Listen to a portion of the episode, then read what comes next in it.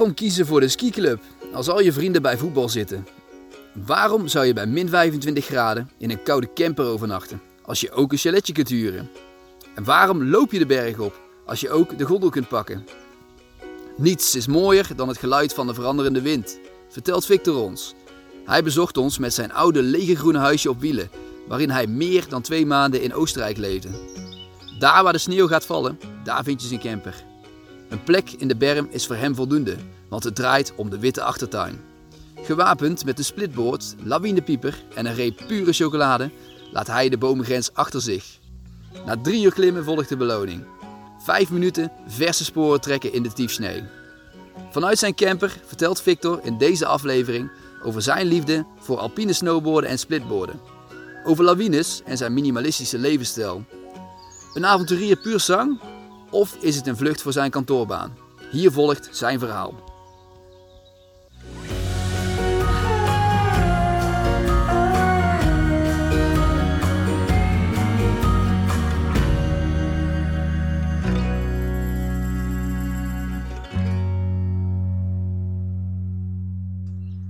Dag Victor.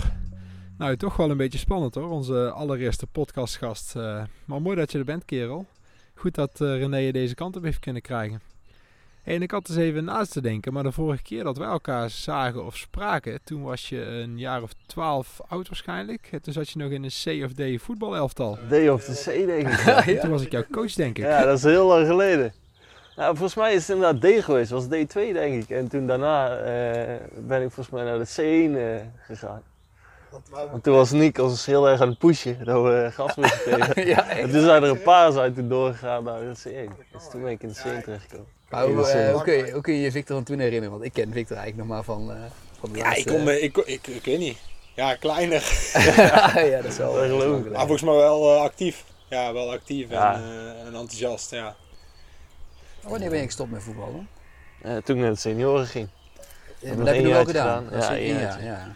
Ja, toen had ik zoiets van, uh, laat me zitten. Ik, Ja? had, uh, ik vond andere dingen ook heel leuk. En, uh, Ja, dus- senior was allemaal, ja, ik, zat, ik had gekozen, of tenminste gekozen. eh, toen over gehad van, ja, wat wil je eigenlijk in senioren gaan bereiken? Ja, ik hoefde niet zoveel te bereiken, dus toen dacht ik wel snel. Oké, dan wordt dat het derde elftal. En dat is allemaal wel ja, heel losjes en niet te serieus, zeg maar. Dat vond ik eigenlijk ook niks. Als je dan ging trainen, dan was het eh, ja, hopen dat er eh, genoeg man eh, eerst een keer een partijtje doen. En anders is het eh, ja, een beetje staan lullen en tegen een balletje aan trappen. Dus dat was ook iets te, ja, Ja, daarom. niet te, eh, ja, dat was echt te losjes, zeg maar. Ja, dus ik denk dat we gewoon eens even in de camper moeten Ja, jongen, kijken. je, komt hier aanrijden met een eh, flinke camperman. Eh, ik, eh, ik zag hem al op Marktplaats staan en we waren blij dat hij hem nog niet verkocht had. Want eh, we wilden hem eigenlijk wel eh, onderdeel van deze podcast. eh, Ja, goed dat je het even benoemt. Misschien wordt hij via de podcast Oh ja. gekocht. Oh ja, inderdaad. ja. Nee, Ja, nee, dan gaat Je wel kunt even straks- Je kunt straks even een eh, URL doorgeven. Nee, ik hoop dat hij dan al wel verkocht is eh, tegen de tijd. wat een vet ding zeg. Ja, zo gewoon eens even eh, Ja, kijken. Want ja, hier heb jij gewoon eh, meerdere maanden in doorgebracht in de winter. Ja, klopt ja. Dus eh, ik heb hier eh, ja, tien weken waren het eh, in de winter in doorgebracht. Dus het is een, eh, ja, een oude legerambulance geweest van het Duitse leger. En die is gewoon helemaal omgebouwd eh, tot campertje. Ja, ik, ik zal even proberen te omschrijven hoe het eruit ziet. Maar eh, ik zie eh, aan het einde zie ik een, eh, zie ik een hoog eenpersoonsbed. En daaronder zal denk ik een hoop opbergruimte zijn. Ja, klopt. Het is een garage inderdaad. De garage noem jij het. Ik noem het de garage, ja. Garage een garage van, eh, van, van 2 bij 1 bij 1 denk ik of zo. Zoiets. En voor de rest heb je denk ik zelf een keuken erin gebouwd. Hij is, hij is een beetje lichtblauw en bovenin zie ik allemaal encyclopedieboeken of zo. Ja, nou dat is eigenlijk wel grappig dat je dat zegt. Nou komt het geheim. Dus, eh nou ja, het, het lijken encyclopedieboeken, maar het zijn eigenlijk allemaal ruggen en die heb ik op een kastje geplakt. Oh, wat vet. Dus het is gewoon een kastje. En Oh, eh, dat is op zich wel een grappig verhaal. Want de eerste keer toen ik eh, weer naar het buitenland ging, toen ik hem net in had zitten. Ja, in zo'n busje word je gewoon super vaak aangehouden door de politie. Want ze zien een jonge gast in zo'n zo'n busje zitten. En dan denken ze toch al gauw, vaak zien ze ook al snowboardspullen dat ik erbij heb. En dan leggen ze al wel de link van, hé, hey, Nederlander, jong, busje, snowboarder. Nou, die gaan we even controleren natuurlijk. Op alcohol bedoel je dan denk ik. Nou, voornamelijk beginnen ze dan wel over iets anders. Dus, Oké, eh, oké. dan noemen ze echt alle drugsoorten op die, eh, die ze maar kunnen bedenken. Ja, ja. En toen gingen ze ook mijn bus controleren. En ze hebben echt alle kastjes opengetrokken, behalve dit kastje. Ze dachten echt dat de boeken stonden. Ze dachten dat de boeken stonden. ja. dat Tenminste, achteraf realiseerde ik me, oh nee, die hebben ze helemaal niet open gehad. Wat een vet ding zeg. Ik zag op die marktplaatsadvertentie ook iets staan over een filter en zo. Over een... eh, Ja, eigenlijk is je gewoon helemaal ingericht om, eh, om er echt wel weken mee op pad te kunnen. Dus eh, er zit ook een waterfiltersysteem in. Inderdaad, daar eh, rechtsachter zit een, een wat grote watertank. En dan gaat dan weer door zo'n filter. Je kunt gewoon water in die tank doen. Dan wordt het dus gefilterd en dan is het gewoon drinkwater. En, is dat een koolstof, koolstoffilter of zo? Ja, het, zoiets ja. En dan kun je gewoon zo'n navullingen kopen. En dat zijn inderdaad vaak koolstoffilters of van kokos of net wat, eh, wat ze ermee doen. En verder ja, koelkastje, fornuis, alles zit er eigenlijk al op en aan. En je hebt gewoon stroom, zonnepaneeltje op het dak.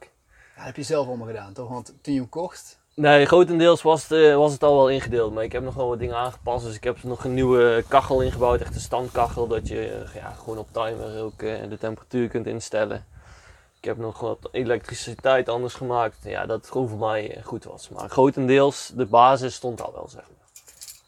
We zitten nou natuurlijk midden in die eh, coronacrisis. En eh, ik, ik denk dan elke keer van nou, misschien moet ik maar eens gaan preppen voor, de doomsday, voor het doomsday dat eh, eraan zit te komen. Maar jij bent wel helemaal voorbereid, denk ik. Je hier wel een tijdje...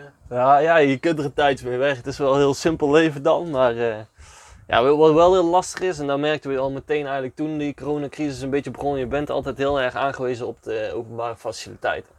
Want je gaat toch het liefst eh, zoveel mogelijk naar de wc bij bijvoorbeeld restaurantjes, openbare dingen en zo. Dat je niet, ja, eh, het is gewoon in een bus niet heel chill om naar de wc te gaan. En je maakt gewoon heel veel gebruik van openbare faciliteiten. En, eh, Ah, wacht Daar gaat ik, allemaal ik, zie, dicht. ik zie geen wc zitten, maar... ja, die zit er verstopt. een. Die is er wel een. Oké. Maar dat is gewoon echt zo'n camping. eh, die zit hier achter het krukje. Dat is een porta potty camping ding. Zo'n chemisch toiletje. Oh, ja. Het zijn een, eh, en ook die moet je uiteindelijk in een eh, openbare, eh, ja, hoe noem je dat, zo'n Chemisch leegplaats. ja. Ja, die moet je wel legen en dat soort dingen. Maar dat ligt nu ook allemaal wel op slot. Dus en campings en dat soort dingen allemaal. Dus dat is wel, je bent eigenlijk zo zelfvoorzienend mogelijk, maar je bent toch wel afhankelijk van, van openbare voorzieningen. Ja, heel erg, ja. Ja. Dus daar kom je dan pas achter. Maar stiekem, ja, je gaat iedere dag wel even naar een restaurantje of een, een barretje. Gewoon. Ook al pak je maar een bakje koffie, weet je wel. En eh, ja, daar gaat het ook allemaal op slot. En openbare toiletten heb je in het buitenland heel veel. Dus ooit heb je ook van die camperspots waar gewoon helemaal gratis is. En dan zit er dan een openbare toiletgebouw bij. Alleen nu in deze tijd gooien ze dat natuurlijk ook allemaal dicht. Dus eh dat mis je dan wel. Eens even checken of ik wel echt goed aan het opnemen ben. Eh, dit, dit zijn er. Zullen we anders even wat zitplaatsen installeren? Of, Ja, is eh, goed. Ja. Wil je nog hier zijn of wil je... We... We, kunnen, we hebben ook een vuurtje aangemaakt, Victor. We kunnen zo Ja, even zeg maar wat jullie het fijnste vinden. Ik denk dat we nog wel even een paar vragen hebben, want ik zie ook geen douche zitten. Nee, dat klopt. Zie jij een douche zitten, niet? Nee, ik zie ook geen douche. Nee. Dus, dus als jij hier tien weken mee weg bent, toch? Ja, je bent eerder teruggekomen vanwege corona dan, hè? Maar je bent hier tien weken weer weg. Ja, ik ben tien weken, ik ben eh, eerder teruggekomen, maar ik heb toen ook Ja. nog, toen ik terugkwam, ook nog in quarantaine gezeten. Dus toen heb ik ook nog twee weken hier in Nederland eh, in mijn busje wel geleefd. Maar toen ben ik gewoon achter eh, bij mijn broer, die woonde op een boerderij. Ben ik achter op de plak gaan staan en heb ik nog twee weken Ja. daar gezeten. Maar hoe doe jij het met douchen als je dan wel in het buitenland bent? Als je wel op een parkeerplaats aan het overnachten bent? Ja, de, ja, er zijn in principe dus, dus ook, eh, de, ja, dat mis je wel. Je hebt geen volledige douche of zo in je bus zitten, maar het went wel heel snel. En ook daar maak je vaak gebruik van openbare eh, faciliteiten. En ik heb wel een, een eh, campingdouche altijd bij. Dus dat is in principe gewoon een, eh, ja, een campingdouche die je op druk kunt pompen. Doe je warm water in en dan eh, heb ik een douchegordijn. Ja, die ligt daar achter ergens. Die kan ik aan het plafond ophangen. Dan heb ik een mooie eh, plastic bak en dan kan ik me wel zo eh, wassen. Hier zo in deze ruimte waar wij In deze staan. ruimte was ik me dan en dan daarna gooi je de bak gooi je weg. En ja, je hebt ook echt niet veel water nodig dan. Nee. Maar eigenlijk ga je sowieso, je, je doucht niet iedere dag meer. Dat doe je gewoon niet, je, je was jezelf gewoon. En, En met een washandje of zoiets. met de iets washandje vaak, ja. Ja. En eh, ik heb altijd een voorraad eh, babydoekjes bij. dat, dat is echt een gouden tip. Dat is het beste wat er is. Ja. Dus eh, ja, je bent toch veel, tenminste als ik in het buitenland ben, ben ik heel actief. En eh, ga ik veel de bergen in, splitboarden, snowboarden. Toch veel in beweging. En want je dan- zegt nou eh, splitboarden en snowboarden, maar eh, René die, die sprak het vorige week in op de WhatsApp en toen, eh wat zei ik toen? Ja, ik wil een beetje context geven van wie jij, wie jij bent en wat Ja, je ja. En ik stuurde naar Nick van, ja, hij doet ook splitboarden en snowboarden. Alleen Nick die had het verkeerd begrepen en die kwam met een heel ander woord terug wat niet eens bestond, zeg maar. Cliffboard of weet ik. Ja.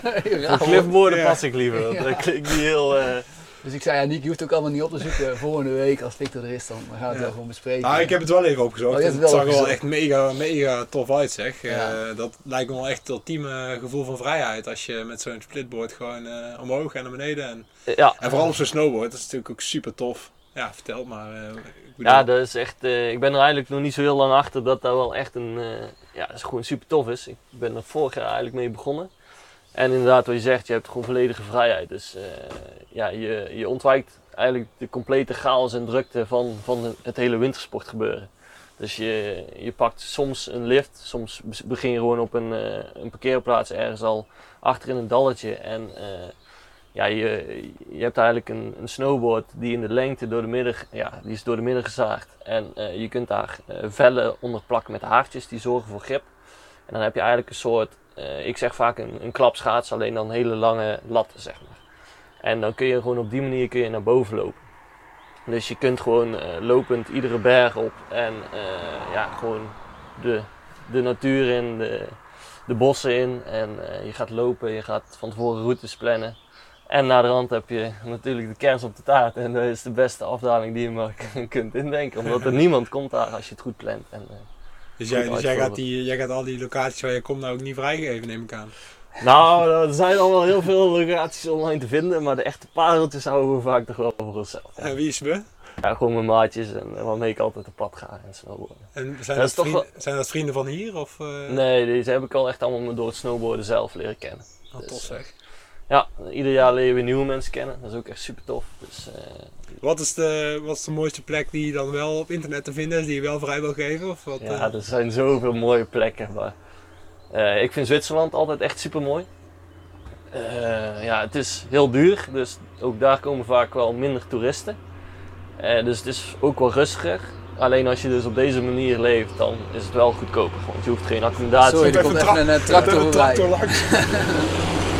Het is mooi landelijk wonen, maar je kunt er geen podcast opnemen. Misschien kunnen we sowieso wel even naar achter gaan. Dan pakken we even een drankje erbij en dan... eh, Ja, ik wil maar één, één ding, Ja. misschien want die kun je makkelijker beantwoorden als we nou hier staan. We komen zo weer even terugdenken op splitboarden en de routes en zo, want daar wil ik nog wel meer dingen over weten. Misschien moet ik ook nog altijd geven op die douche, want daar is het antwoord daar uiteindelijk niet van gekomen. Ja. Eigenlijk niet echt, ja, washandjes hoorde ik op het einde, toch? Ja, en die, ja, je bent dus gewoon heel actief bezig. Hè? En eh, je hebt dus, wat ik ook zei, die babydoekjes, dat is echt gewoon goud. Want je kunt gewoon altijd na, eh, na het sporten even snel met babydoekjes afwassen.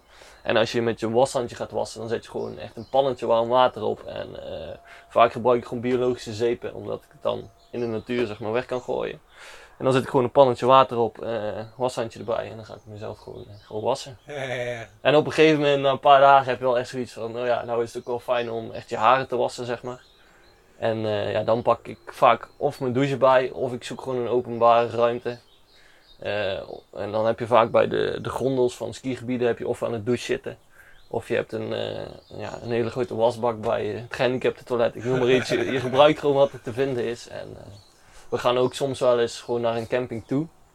En dan in de winter zijn, ja, is er ook niet heel veel te doen. Je hebt wel wintersporters die naar de camping gaan en dan gaan wintersporten.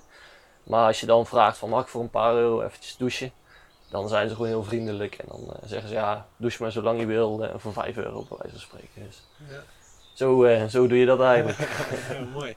Ja, en, want ik, volgens mij draag ik vooral merino wol, hè? Dat heb je wel eens verteld. Want Ja. ja.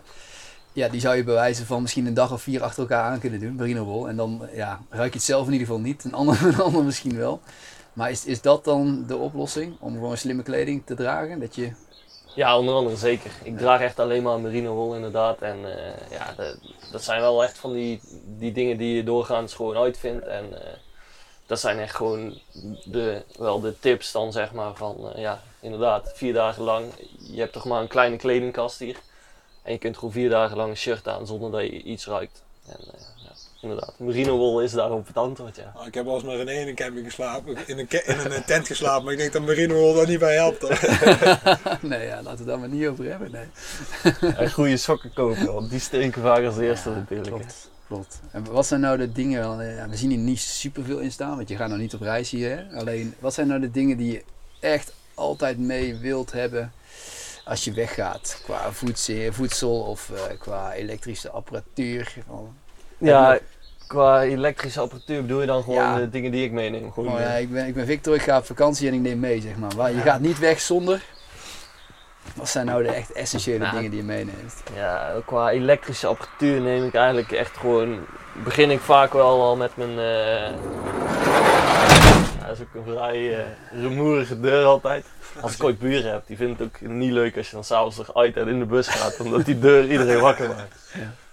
Maar eh, qua elektrische apparatuur neem ik altijd vaak eerst mijn camera's mee. Dus een fotocamera, GoPro, eh, gimbal. Ik vind het wel echt leuk om ook gewoon video's op te nemen. Dus gewoon vaak ook het snowboarden of andere dingen. En verder zijn mijn spelletjes altijd heel belangrijk. Dus ik heb daar een, spelletjeskast. Oh ja. Die ligt aardig vol. Altijd Uno en JC bij. Dat zijn toch wel de gouden spelletjes. Is dus, want ik dacht dat je veel alleen was, maar je hebt hier niet voor niks JLC liggen. Dat ga je niet in je eentje doen, lijkt me. Of wel? Nee, nee, dat kan niet, eh, kan niet in je eentje. Nee, maar je, je ontmoet best wel snel eh, mensen. En ik heb ook eh, vrienden die, die leven echt gewoon continu in een camper. Dus die gaan ook het winterseizoen altijd op pad. En in de zomer zijn ze vaak aan het surfen. Dus daar trek je dan ook wel veel mee op. Die zaten afgelopen winter ook in dezelfde regio in de Alpen als ik. Dus dan trek je weer drie, vier dagen op. En dan ga ik mijn eigen weg weer voor een paar dagen en hun. En eh, ja, je ontmoet andere mensen. eh, die ook bijvoorbeeld in een campertje op pad zijn. Ja, dus zo haak je gewoon iedere keer wel, eh, wel bij mensen aan. Maar het is niet de standaard wintersport met eh apres-ski en alles op en eraan neem ik aan. Het is gewoon echt gewoon eh, 's morgens de bergen op, eh, één keer naar beneden of misschien twee keer en, eh, en daarna weer eh, overleven in de camper. Dat is een beetje hoe ik het me nu voorstel.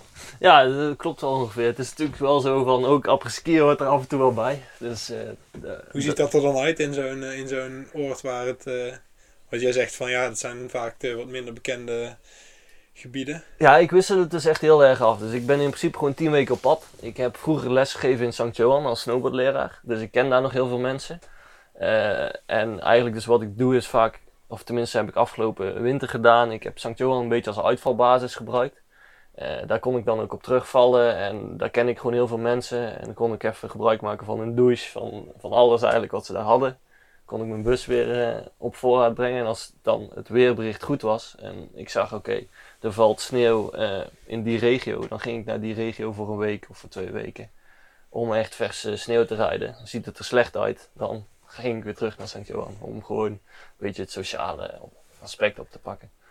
En eh, ja, het, het ziet er dan inderdaad zo uit. Dus als de condities goed zijn, dan ga je gewoon echt voor het snowboarden. Echt voor het splitboarden. Je wil dan gewoon wel goede lijnen rijden.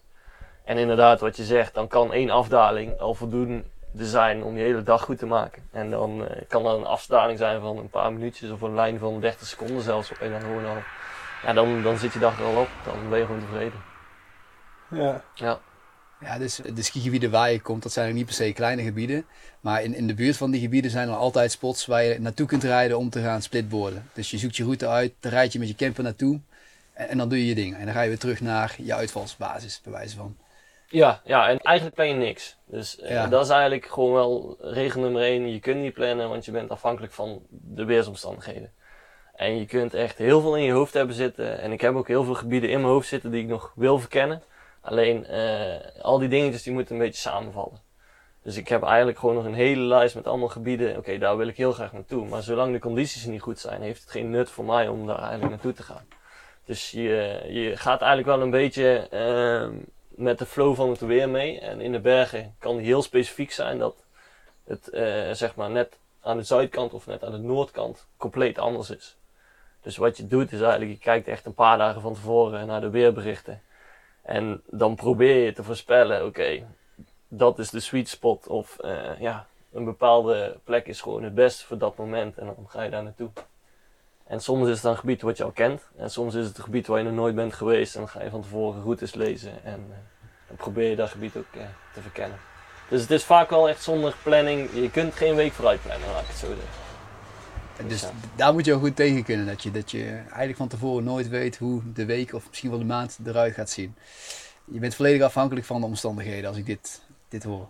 Eh, ja, als je, als je wil freeriden, zeg maar wel. Als je gewoon de beste sneeuw wil rijden, dan wel, ja. Ja, en als je net zoals Nico of ik bent, die af en toe een keer wintersport gaan, eh, we pakken een paar pistes, we doen daarna op ski, dan maakt het natuurlijk minder uit. Ja.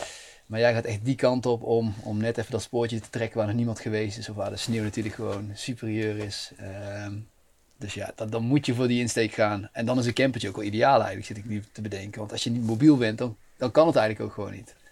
Nou ja, dit is ook wel echt de reden waarom ik een camper gekocht heb destijds. Ja? dus dat was echt puur en alleen de reden. Ik merkte gewoon, eh, voorheen, ik ging be- al best veel op wintersport. Dus vaak toch al wel drie, vier weken per jaar. Ehm, maar wel altijd van tevoren gepland. En ook een locatie al vastgelegd. En dan moet je zoveel geluk hebben met, oké, in dat tijdsbestek moet er op die plek sneeuw vallen. En dat gebeurt zelden. Dus eh, ja, zeker nu het ook gewoon steeds minder wordt. Tenminste, het lijkt steeds minder te worden met de sneeuwval. En dan moet je gewoon heel flexibel zijn. En eh, ja, iets van tevoren boeken, daar zit er gewoon echt niet in. Dus de meeste mensen zetten hun camper in de winter stil. Eigenlijk moet je En jij juist, doet het eh, andersom. ja, eigenlijk moet je hem juist gaan gebruiken. Ja, ja, zeker. Maar is dit, is dit goed geïsoleerd, wat ik, wat ik hier nu zie? Ja. Nou, deze is niet heel goed geïsoleerd. Hij is goed geventileerd. dus, overal zitten wel kiertjes en dat soort dingen, maar het, het gaat prima. En eh, ja, ik heb hetzelfde koud. Dus eh, je kunt gewoon met de kachel die ik erin heb zitten, kan ik het wel echt gewoon aangenaam warm stoken. Dus echt gewoon 18, 19 graden. Eh, ik zet hem s'avonds wel echt altijd uit. Maar ik stel dan een timer in eh, op ochtends dat hij een half uurtje voordat ik op moet staan, dat hij eh, aangaat, zeg maar. Want dat is het ergste, als je het bed uit moet en het is koud. Voor de rest, als je eenmaal in je bed ligt en je ligt in je slaapzak, dan heb je het echt niet koud. Maar als je eruit moet om, het dus, om de kachel aan te zetten, dat is wel echt het ergste. Dat hoeft met deze gelukkig niet meer. Ehm, dus die springt gewoon een half uurtje voordat ik eh, uit bed moet, springt die aan. En dan is het eh 16 of 18 graden wanneer ik uit mijn bed moet. En, en dan sta je dus meestal, voor mijn beeldvorming, meestal sta je dus op een parkeerplaats. Hè? Dus meestal betaal je niet voor je overnachtingen. Nee, ik betaal, ik heb echt nooit betaald de afgelopen 10 weken. Dus dat is ook wel een beetje de, ja, ik weet niet, de, ook wel een beetje de essentie misschien als je, als je met zo'n campertje op pad gaat. Je zoekt dan toch wel gewoon een beetje de vrije plekjes. Anders sta je al snel op een camping. Dat is zo'n totaal ander, andere beleving, denk ik, als je met, eh, ja, in een rijtje staat met 20 andere campers. En iedereen die af en aan loopt naar het toiletgebouw, noem maar iets. Dat, dat is echt eh, ja, totaal anders eigenlijk. Ja. Ja, dat me wel voorstellen. en want je zegt, eh, je bent dan samen met je vrienden, hebben die dan ook een eigen camper? Of breng je hier wel eens nachten met meerdere mensen in deze camper door? Ja, ik neem ook wel eens gewoon vrienden mee, ja. Alleen het is, eh, en ook, eh, je komt wel eens, eh, ja, leuke mensen tegen. Dus dan, Ja, want ik vroeg me al af of dat je hier wel eens de warmte bij iemand anders opzoekt in dit bedje. Maar, ja, dat is wel, eh, wel fijn af en toe, hè.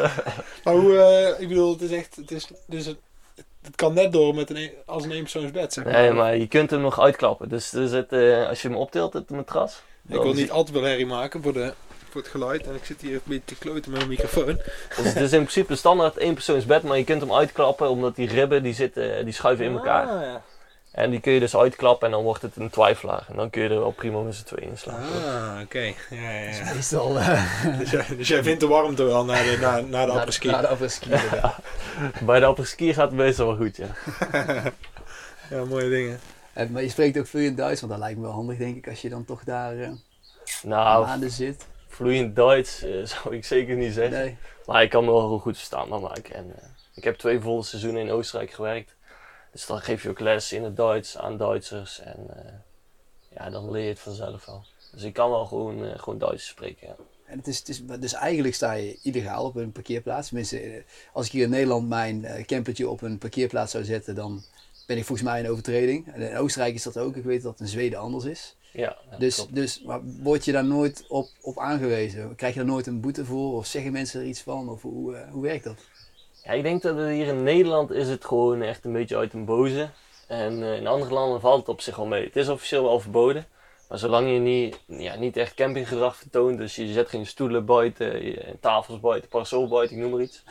Eh, dan is het allemaal wel prima. En af en toe word je wel eens weggestuurd. Ik ben wel een paar keer weggestuurd. Maar ook die mensen die je dan wegsturen, die zijn hartstikke aardig. En je, je maakt er even een, eh, een praatje mee. En voor je het weet sta je een kwartier eh, met ze te lullen.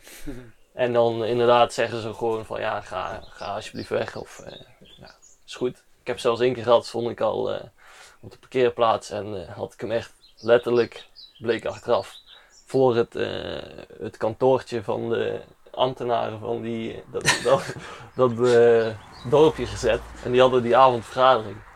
Dus die hadden een vergadering over de bergbanen, dus zoals bij de gondel. En toen kwam die ambtenaar van, die, eh, van Sankt Johan, die kwam naar me toe. Eh, ja, het is eigenlijk niet de bedoeling dat je hier staat. Maar ik, zat dus al, ik was al geïnstalleerd, het was half elf. Ik had een glaasje whisky erbij gepakt. En hij zag, hij zag dus een glas whisky staan en zei: Ja, ik zie dat je al geïnstalleerd bent. Blijf vanavond maar lekker staan en ga bij. Dus ze vinden het ook al prima, zolang je maar gewoon. ja. Jongen, jongen, als ik op wintersport ga, dan heb ik al moeite om een auto te parkeren. Maar eh, ja, dit- zijn wel de betere plekjes, denk ik dan. Als jij zelfs eh, plek kunt vinden om eh, je camper op een parkeerplaats te kunnen zetten en daar zelfs te overnachten. ja, je moet af en toe wel goed zoeken hoor. Maar er zijn altijd wel plekjes te vinden, ja, zeker. Dus, en ook daar zijn apps voor. En ja, iedereen die met zo'n campertje op pad is, die zet die, eh, die locaties vaak in zo'n app. Dus Wat je voor gaat app is dat in dit geval? Ja, het Park van Night, dat is een hele bekende eh, app. Die wordt ook veel, eh, volgens mij is het een Franse app. En die wordt ook heel veel in de zomer gebruikt. En je hebt Camper Contact, dat is een Nederlandse, maar dat is wel, ja, dat is wel echt meer de camperplaatsen, dus ook veel betaalde. En Park van Night heb je wel echt iedere parkeerplaats, bij wijze van spreken, die staat erop. Iedere camperspot die staat erop. En vaak ook wat fotootjes staan erbij, een beschrijving en eh, faciliteiten. Dus via zo'n app kun je ook al veel vinden hoor. Je hebt je nog nooit, nog nooit onveilig gevoeld. Ja, ik weet, je bent een man, maar, maar dan nog, er, kunnen misschien onveilige situaties zijn, lijkt me toch. Dat je net op een verkeerde plek staat. Of, of is dat niet zoveel in wintersport? Ja, ik, denk dat ik daar persoonlijk niet zoveel last van heb. Dus ik ik denk altijd, ja, het gaat wel goed of komt wel goed. Ook, eh, ja, zo, mijn achterdeur bijvoorbeeld, die eh, moet ik echt handmatig op slot doen. Dus het is allemaal geen automatische vergrending en die vergeet ik soms om een maand op slot te doen. En, ja, dat soort dingen, ik maak me daar meestal niet zo, niet zo zorgen om. Maar ik ken wel mensen die dat wel, dat wel hebben, zeg maar. Er zijn wel hele rustige plekken, er zijn wel minder fijne plekken. Alleen ik denk dat ik daar zelf niet zoveel, eh, niet zoveel last van heb. Dat, dat vind ik ook wel interessant. Hè? Want zou je daar, je bent eigenlijk vaak alleen. Tenminste, je zoekt andere mensen wel op. Maar in principe, je bent degene die eh, het stuur bestuurt. Ja. En je gaat en staat waar je naartoe wil gaan. Ja. Eh, zou je daar, eh, moet je ook wel een beetje Einzelganger zijn om, om, om ja, hier geschikt voor te zijn? Of, of ben je geen Nee, dat- Einzelganger? Die, Dat denk ik niet, maar ik denk ook niet dat het beeld dat ik vaak alleen ben, dat dat ook niet echt klopt. je bent denk- vaak samen. Ja, nee, Ja. ik ben wel echt, ik zoek juist wel de mensen op die ik dan ontmoet of die ik nog ken. Of, eh, ik ben ook de afgelopen tien weken, ben ik ja, zelden echt, heb ik zelden ergens alleen gestaan eigenlijk juist. Maar dat komt denk ik ook wel een beetje door wat ik juist doe, want dat kun je, freeriden kun je überhaupt niet in je eentje doen. Dus als ik ergens alleen zou gaan staan, eh, dan zou ik ook niet kunnen gaan freeriden, want dat is gewoon veel te gevaarlijk. Is freeriden gewoon een algemeen begrip voor het zeg maar, skiën of snowboarden over sneeuw die niet gebruikt wordt? Of? Ja, of piste skiën eigenlijk. Oké, ja. Dus echt eh, buiten de piste. En ja, daar zijn gewoon, eh, daarvoor moet je altijd met maatjes op pad zijn. Omdat er gewoon een veiligheidsrisico is natuurlijk. Je doet het ook nooit alleen? Nee, ja, heel af en toe. maar dat doe je, ja, dan eh, komt het weer een beetje. Eigenlijk moet je het gewoon nooit doen. Alleen als je ooit in een gebied bent wat je heel goed kent en waarvan je eigenlijk weet. Ik kan hier wel even een stukje afsteken door het bos. Nogmaals, moet je niet doen. Maar dan bij echt iets heel bekends kan ik het wel eens, eens een keer doen. Ja. Maar ja, je, je- misschien wel goed om erbij te vertellen dat je ook wel echt lawinetrainingen en zo gedaan hebt. Dus, dus je weet wel redelijk wat je doet. En wil niet zeggen dat je dan geen risico's loopt. Maar je bent niet onwetend, denk ik, in, in, in het wereldje. Dus je weet al waar je aan begint als je echt naar beneden toe gaat. Ja, zeker. Je weet wel, eh, je hebt wel gewoon je, je kennis vergaard en je hebt ook wat praktijkervaring opgedaan met de gids. Je hebt je materiaal op orde en dat moet ook wel echt. Want eh, ja, het is gewoon een gevaarlijke sport waar je eigenlijk het risico heel goed kunt filteren om het zeg maar niet gevaarlijk te maken. Maar daar is gewoon kennis voor nodig. Ja, ja, ik kan me wel eh, wat voorstellen bij het gevaar. Ik ben eh, de afgelopen jaren niet zoveel op windsport geweest, van mijn topsport dingen. Maar vorig jaar eh, zag ik eventjes een week waar ik op pad kon. En toen eh, had ik mijn rugzak ingepakt, mijn snowboard erop gebonden en eh, dacht ik gewoon een willekeurige berg op te lopen. En eh, aan de voet van de berg kwam ik zo'n soort van kerkje, zo'n heel klein, hoe noem je dat? Zo'n altaarachtig kerkje. En, eh, Een kapelletje. kapelletje, ja. En eh, daarbinnen er stonden allerlei eh, gedenk, eh, gedenkfoto's en zo. Gewoon van, eh, ja, volgens mij wel honderd mensen die op die berg waren overleden. ja. Dat is Dus, wel ik, even een dus, ik, wake-up dus call. ik had natuurlijk helemaal geen ervaring met überhaupt met die berg of met wat dan ook. Dus ik ben maar omgedraaid. Want die mensen die waren gewoon overleden in de, in de, in de zomer. En ik dacht daar in de winter even omhoog te gaan en dan zelf te gaan snowboarden. Maar ja, ik kan me voorstellen dat je wel meer van, dat, van dat soort imbeciel, ja, dat is niet helemaal netjes wat ik zeg, maar mensen zoals ik tegenkomt die dan ja, denk ik ook denken wel. dat ze alles wel kunnen. Hoe, eh, Ja, dat is gewoon vaak ontwetend, ja, onwetendheid. dat zie, je dat, zie je jammer. dat gebeuren? Ja, zie je heel veel gebeuren. En het is wel echt heel jammer, want het, is, het zijn vaak inderdaad, en dat wil wil helemaal niet zeggen dat ze dom zijn, maar ze, ze weten gewoon niet wat de risico's zijn. En het zijn vaak de, toch de weektoeristen die dan een lekker eh, stukje sneeuw zien liggen. En er kunnen al wel sporen staan. Dan klimmen ze toch net dat hek over of ze doen toch net iets. En eh, ja, wat eigenlijk gewoon niet kan, puur omdat ze niet weten wat het risico is. En als er al een spoor staat, dan, dan is het natuurlijk heel snel en logisch gedacht van hé, hey, daar kan ik ook naar beneden. Maar dat wil helemaal niks zeggen. Als er ergens een spoor staat, ja, je weet eigenlijk helemaal niks. Je weet niet waar dat spoor uitkomt. Eh, ja, je weet, misschien heb je niet eens de lawinecondities, eh, het bericht gekeken. Dus Want waar kijk je dan naar? Je zegt ruïnecondities. Dus ja, je hebt iedere dag gewoon eh, van de lawinedienst in iedere regio, die brengt gewoon een bericht uit met de risico's. En daar worden gevaren aan gekoppeld en problemen aan gekoppeld. En eh, aan de hand van het gevarenniveau beslis je eigenlijk wat je die dag wel en niet kan rijden. Dus er is al heel veel wat je vooraf eh, eigenlijk kunt uitsluiten waar je überhaupt niet naar beneden wil. En dat moet je ook zeker doen. Dus je gaat vaak al vooraf beslissen van oké, welke hellingen mag ik nog rijden, hoeveel graden mag ik nog rijden, eh, welke aspecten, noord-zuid. Dus er komt echt wel heel veel bij kijken. En ja, dat kun je ook niet verwachten van de toerist, zeg maar, dat ze dat allemaal weten. Maar dan is het natuurlijk extra cru als ze wel de hek overgaan eigenlijk. Heb je dan nog de neiging om die mensen aan te spreken? Of eh, ben je daar... eh, Nee, ja, vaak is het eh, denk ik wel een zinloze discussie. heb je, ben je de discussie wel eens aangegaan? Nee, eigenlijk niet. Maar het is ook zelden dat je echt heel dichtbij staat als je iemand ergens vanaf ziet gaan hoor. Het is vaak toch wel dat, er, eh, dat jij ergens anders eh, staat en je op die flank kijkt waar dan mensen naar beneden komen. Dus het is ook niet zo dat je dan vaak de kans hebt om ze, om ze aan te spreken. Ik voel me ook wel heel erg aangesproken als jij het over ze hebt. Dan, dan denk ik ook echt aan mezelf en mijn broers die, eh, die op windsport gingen. En we zijn nu net iets ouder geworden, maar vroeger wij keken echt helemaal nergens naar. Wij gingen inderdaad een weekje weg. Ja, en wij, wij zagen een mooi stukje en het was wit en er lagen nog geen sporen. Nou, dan gaan we eens even kijken. Ja, het is echt een wonder dat zoiets goed gaat. En eh, dan dachten wij dat we het dan redelijk goed nog konden en dat we de risico's redelijk goed konden inschatten. Maar ik denk als je nu terugdenkt aan hoe we dat toen deden, dat het gewoon echt onverantwoord was. Maar van de andere kant denk dat jij dat misschien ook nog wel wilt hebben. Want, want je bent nu een paar jaar aan het snowboarden en splitboarden. Dus, dus verandert jouw risicobeeld ook? Word je, doordat je steeds meer leert, zeg maar. Ehm, ja, je, je weet wel waar ik naartoe wil, denk ik. Hè? Doordat je steeds meer de risico's ziet, word je daardoor ook voorzichtiger. Eh, Ja, nou, nee, misschien is het wel goed om eerst te vertellen. Ik heb ook van die momenten waar ik nu van zeg van, oh shit, wat ik toen deed, dat kon echt niet. Want eh, jij begint ook gewoon ergens en eh, ja, ik ben ook heel vaak gewoon met vrienden op pad gegaan. En toen was ik ook nog jong, daar had ik ook nog niet zoveel kennis, want ik had me er totaal nog niet in verdiept. Ik kon al wel gewoon aardig snowboarden, want ik snowboard al, eh, wel al lang. Maar wij gingen ook gewoon eh, toen al wel freeriden zonder dat we echt super veel kennis hadden. En dan kom je nu ooit situaties tegen, of tenminste toen hadden we situaties waarvan ik nu zou zeggen, dat had echt niet kunnen of dat, had helemaal niet gemogen. Eh, dus, dus eigenlijk precies wat, wat er bij jullie gebeurd is, bij ons ook echt wel ooit gebeurd. En daar leer je nu juist van, omdat je dat ooit hebt gedaan. En gelukkig gaat het allemaal goed, eh, ja, achteraf gezien. Maar je leert daar wel van. En word je met, ja, ga je minder risico nemen? Eh, misschien, ik denk dat je meer bewust bent van het risico. En dan heb je nog ja, een bepaalde risicoacceptatie. En ja, wil je echt geen risico eh, lopen, dan, dan ga je gewoon, dan zoek je absoluut de grens niet op. Dus ja, aan de hand van de berichten en eh, ja, wat je allemaal uitzoekt, heb je eigenlijk een, een grens die een keer bereikt wordt, waar je onder moet blijven. En eh, daar kun je nog marges op inbouwen. Dus, maar of het dat ik echt, ja, ik, of dat ik veiliger, zeg maar, in die zin voorzichtiger ben geworden, dat denk ik niet. Nee. Ja, dat is wel een eerlijk antwoord. Heb je wel eens een fout gemaakt? Ja, achteraf gezien heb ik dus wel eens fouten gemaakt. Ja, Ja. maar ik bedoel eh, de laatste periode, dat je denkt van, oh, hier ging ik echt een fout in. Of, eh, Of eh, Ehm, gaat het eigenlijk dus altijd wel gewoon goed als je je goed voorbereidt? Nee, ja, in principe heb ik eh laatste, nee, laatste jaar eigenlijk eh, niet, nee.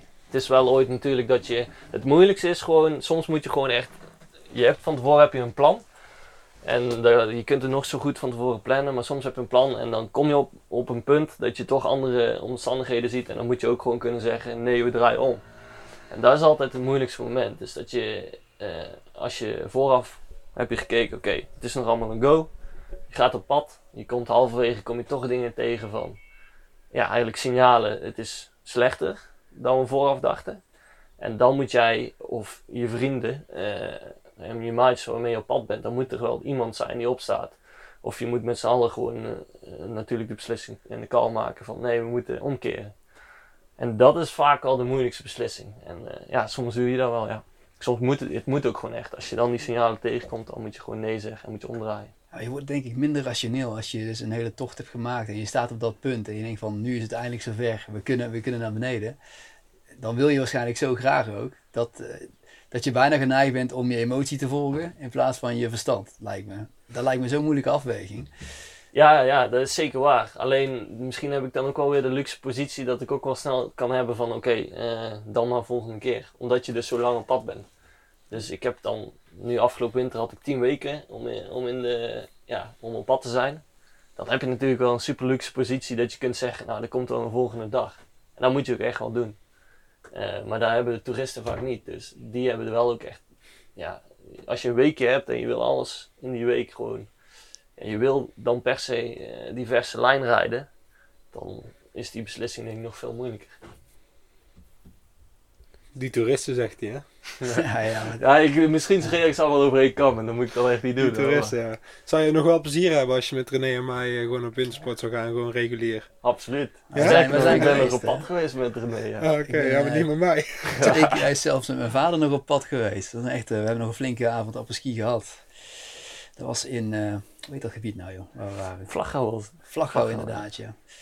Ja, ik zat al in, ik zat in Vlaggenwal Winkel ben ik toen naartoe gegaan en jullie zaten in Vlaggenwal. Ja, En dat was op, op zich ook nog wel, ja, ik heb toen een dag van daarvoor heb ik nog echt, echt super goede poeder gereden. En toen zei hij nog tegen mij, "Eh, hoe kan dat zo dichtbij zijn geweest dat daar poeder lag. van. Maar dat is dus ook een beetje dat microklimaat in de bergen, dat het zeg maar net een dalletje verder eh, kan het daar wel Wat bedoel je met een microklimaat? Eh, ja, dat, dat dus echt heel lokaal kan zijn. eh, lokaal een compleet ander, eh, hoe moet ik het zeggen, Eh, weersomstandigheid kan Ja, ja, dus er kan net sneeuw in een ander dal, kan wel sneeuw zijn gevallen in, in, in het, in het grote dal niet bijvoorbeeld. ja, Ja, hij, precies. Stuurde, hij stuurde een filmpje naar mij, Nick. En eh, ja, gewoon volle bak die zeg maar. Volle bak die En ik keek ernaar. Ik dacht, ja, dit heeft hij twee weken geleden opgenomen. Dit kan niet nu zijn.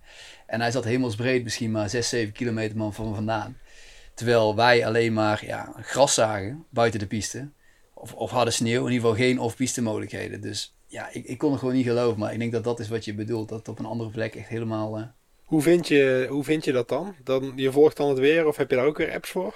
Ja, ook eh, vooral al forums. En eh, ja, ik heb zelfs een boek daar eh, in de kast liggen. Misschien Ik kan hem wel eens even een, proberen. heel, een heel dik boek.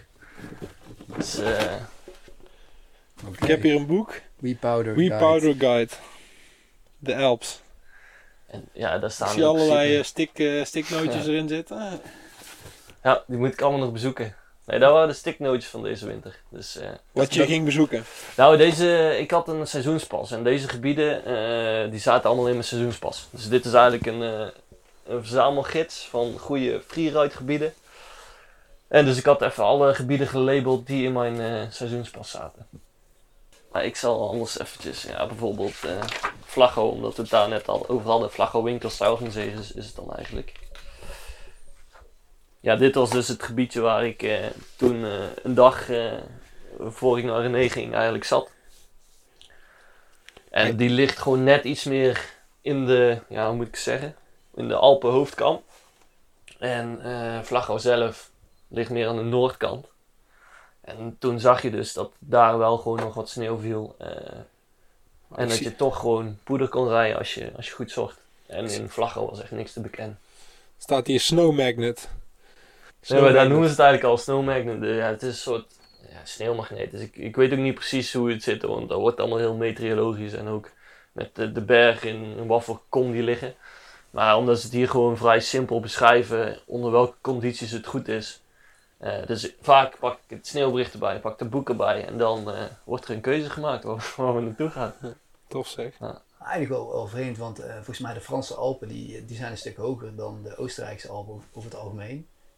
Eh, dus dan zou ik zeggen, als de sneeuwzekerheid minder wordt door de jaren heen, dan kun jij misschien beter uitwijken naar Frankrijk. ik, Ja. zie, ik zie al een afwijkende blik. Nee, nee, helemaal niet. Maar ik, ja, ik weet het echt het hele fijn ook niet van. Maar ik, ik lees er wel graag over. En de bergen liggen natuurlijk heel anders in, in Frankrijk als in, eh, in Oostenrijk eh, bijvoorbeeld. Dus eh, je hebt gewoon verschillende soorten weertypen die zorgen dat een bepaald gebied sneeuw krijgt. En eh, als je ook kijkt naar de Alpen, hoe die liggen. Dus als je bijvoorbeeld van eh, noord naar zuid een stauw krijgt, eh, dan botst het natuurlijk meer tegen de Alpen aan. Terwijl de, ja, hoe moet ik zeggen? Dus eigenlijk als de, de sneeuw eh, vanuit het noorden naar het zuiden binnenkomt, Mhm. dan botst het natuurlijk tegen de noordkant van de Alpen aan. Ja. En dan heb je in Oostenrijk bijvoorbeeld weer hele goede gebieden die heel veel sneeuw vangen. Eh, Frankrijk die krijgt veel meer als het van het westen naar het oosten trekt. Omdat die, als je de Alpen een beetje volgt, dan liggen ze eerst dus in Oostenrijk en dan buigen ze naar beneden af. Eh, zeg maar weer naar Italië. Dus die vangen veel meer van de, van de andere kant. En zo zijn er allemaal weertypes die. Ja, het zijn nou bepaalde scenario's die gewoon voor sneeuw zorgen in bepaalde eh, regio's en gebieden. Maar, is Frankrijk een no-go voor jou vanwege, eh, ik, omdat je de Oostenrijkse cultuur misschien leuker vindt of het sfeertje? Of eh, zou je Frankrijk ook nog wel overwegen als, als volgende bestemming? Eh nou ja, Frankrijk zou ik ook zeker wel overwegen, maar Oostenrijk is gewoon voor mij in principe veel makkelijker, denk ik, op dit moment. Zeker ook omdat ik daar een seizoenspas voor een heel groot gebied eh, kon kopen voor een schappelijke prijs. En dat heb je in Frankrijk voor zover ik weet niet. Wat praat je dan over? Want eh, wat bedoel je dan met een groot, groot gebied? Eh, Ik had de snowkart eh Tirol, de super skikart heet dat volgens mij tegenwoordig. En dan heb je gewoon een heel groot gebied van Salzburg en Tirol. volgens mij zijn het 23 regio's en er zijn 99 skigebieden. Ja. En, en daar betaal je ja, 750 of 700 euro voor uit mijn hoofd. Voor een, een heel seizoen dus. En dat is dan wel goed te betalen als je, als je meer dan drie weken gaat, heb je het eigenlijk al uit. Ja, volgens mij, eh, als ik gewoon normaal ga, dan betaal ik ook al 200 euro voor een paar dagen of zo. eh, toch of niet? Ja, het is 50, 60 euro voor een dagpas. Dus reken maar uit als je dan, eh, ja, als je meer dan 10, 12 dagen gaat, dan heb je het En hoe, en hoe kom je dan aan zo'n zo'n pas? Is dat, Die kun je gewoon online bestellen. Oké, maar dan moet je op tijd bij zijn of zo. Je hebt zelfs een pre-sale, dus als je hem voor 25 november bestelt, uit mijn hoofd, krijg je ook nog korting. En als je hem daarna koopt, dan is het eh, iets duurder. Maar je kunt hem eigenlijk gewoon altijd wel kopen. Voor 25 november. Heb Onthouden. jij- Ja. Heb je ook eh, dieptepunten hier ooit? Of is het altijd leuk als je weg bent? Heb, of heb je ook momenten dat je bijna huilend hier eh, Nou, in nee. bed ligt? Highlight zeker niet, maar je hebt wel eens ooit momenten dat je, ja, dat het gewoon wel, dat je denkt van shit, ik had toch beter daar kunnen blijven of zo, weet je wel. Ik had toch net iets anders tegen de meisje in uh, misschien moeten zeggen. Als je misschien ja, wel dan was het wel gelukt. Want je bent, Dan vrij, ben je vrijgezel, Victor? Ik ben Of- vrijgezel, ja. En dat is ook wel eh, lekker als je zo eh, in je eentje op pad gaat? Of? Eh, ja, ja, ik heb weinig om rekening mee te houden, moet ik eerlijk zeggen. Dus ja, dan geef je het natuurlijk Want René, eh, zou, zou jij het erdoor krijgen, tien weken eh, met camper op pad alleen? Nee, Thuis. nee, dat gaat niet lukken. Sowieso omdat mijn vriendin het natuurlijk ook super leuk vindt om er onderbij te zijn. Je, je hebt het meegemaakt, Victor. Ja. Die is eh, fanatieker dan ik, denk ik. ehm. Dat kun je wel zeggen, inderdaad. ja, die is echt fanatiek. En, eh, dus, dus dan zou ze mee willen. Dan zou ik het kunnen regelen. Maar Ja, eh, maar ik wil zeggen van... ik denk als vrijgezel gaat het niet, eh, sowieso niet lukken. Nee, nee, ik wil gewoon zeggen van... ik denk dat je inderdaad... Dat het, als, je dit, als je dit wil doen, dat het dan wel prettig is om... om in ieder geval vrij in beweging te zijn. Hm. brengt brengt het jou op ideeën, Nick, als je dit zo ziet? Ja, het is wel heel tof. Ja? Nee, het is wel echt, het is natuurlijk super tof. Ehm, nou ja, ik zit net in een, in een overgangsperiode vanuit mijn topsport gebeuren. Ik, weet- ik, weet nog niet, ja, ik weet nog niet helemaal welke kant ik op wil, maar eh, ja, dit soort dingen zijn al mega vet. Ehm, ja, ik pak zelf eh, graag nu eh, die trekkingfiets en dan gooi ik daar mijn tassen op. En dat is een beetje mijn freeriden. Ja, Ik bedoel, ik hoef hier mijn tassen maar eh, aan mijn fiets te hangen. En, en over een paar dagen ben ik ergens in Duitsland of in België of misschien wel in Frankrijk. Dus dat is mijn freeriden, denk ik een beetje. En dat vind ik wel lekker om mijn hoofd leeg te krijgen. Maar er zijn natuurlijk ook heel veel overeenkomsten eigenlijk mee. Met dat je gewoon op die fiets stapt en gewoon gaat. En ja, je bestemming zie je dan in principe, kun je Ja. ook van dag tot dag bekijken. Nee, zeker. Dus, Ah, ja, eh, ik hoorde jou straks zeggen van, ehm, of ja, wij namen een beetje aan, tenminste dat vond jij eh, dat je veel alleen was. Ehm, maar ja, dan moet ik even, want dat komt denk ik om, je gaat alleen weg en je komt alleen terug. En daarom hebben Ja. mensen, zoals Ja. ik dat beeld misschien. Ja. En, maar nou goed, dat klopt dus niet. Nee, maar ik bedoel, ik, ik, ik ben eh, een keer alleen in de VS geweest eh, voor, eh, voor een week of vijf. En, eh, maar ik ben nog, ik, ik heb, eh, ik had gewoon moeite om alleen te zijn. Er was gewoon geen, moment dat ik alleen was. Ik bedoel, eh, ja, een veel socialere vakantie kun je niet hebben dan dat je alleen bent op de een of andere manier. Zeker omdat er heel veel like-minded mensen eh, waarschijnlijk zijn. Ook, ook in dit soort wintersportgebieden, die ook met een camper daar. dus ik kan me voorstellen dat het juist een super sociale aangelegenheid is. Ja, en ik kan ook gewoon niet zo goed alleen zijn. Dus ik word al heel snel onrustig en ga me vervelen. Dus ik denk ook wel dat ik daar best wel opzoek hoor. En ja, ja, dat is misschien ook gewoon, eh, ja, ik kan ook niet zo super goed alleen zijn.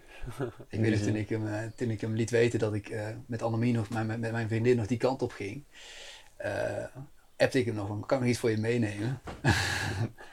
toen zei hij, ja, oude kaas geloof ik, hè? oude kaas. En oude appelstroop. kaas. Appelstroop. Dat zijn dan toch de dingen die je het meeste mist uit Nederland dan. Als je... Maar eigenlijk, want, Victor klinkt nou heel avontuurlijk, maar wij werken door de week werken wij samen. En overdag zitten wij gewoon veel stil. Eh, ja, we hebben allebei een kantoorbaan in principe. Ik moet net iets vaker de weg op misschien, maar dat is ook niet echt heel actief. Dus, dus ja, wat ik me eigenlijk altijd heb afgevraagd, ik heb je nog nooit gevraagd. Alleen, vind je, eh, ja, is het niet zwaar om een kantoorbaan te hebben als je zo ja, outdoor-minded, laat ik het zo even noemen.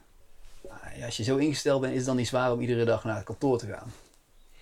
Eh, ja, er zijn zeker hele zware momenten bij. Eh, maar ook, ik haal ook wel veel uit mijn werk juist. Dus ik heb ook wel echt veel, eh, ja, heel veel affiniteit met juist het bedrijf en wat we eigenlijk doen. Dus daar haal ik ook heel veel voldoening uit, juist om daarin een stukje te presteren. Maar er zijn zeker momenten en bijvoorbeeld nu ook, nu kom je terug van tien weken een compleet ander leven te hebben gehad.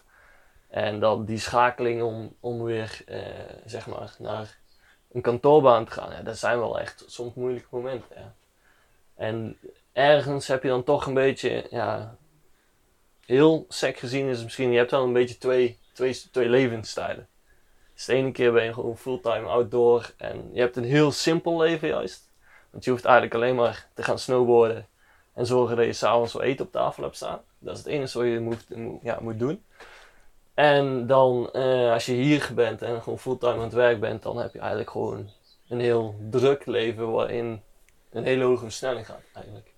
Terwijl je daar juist in de laagste versnelling zit die er, eh, die er maar is.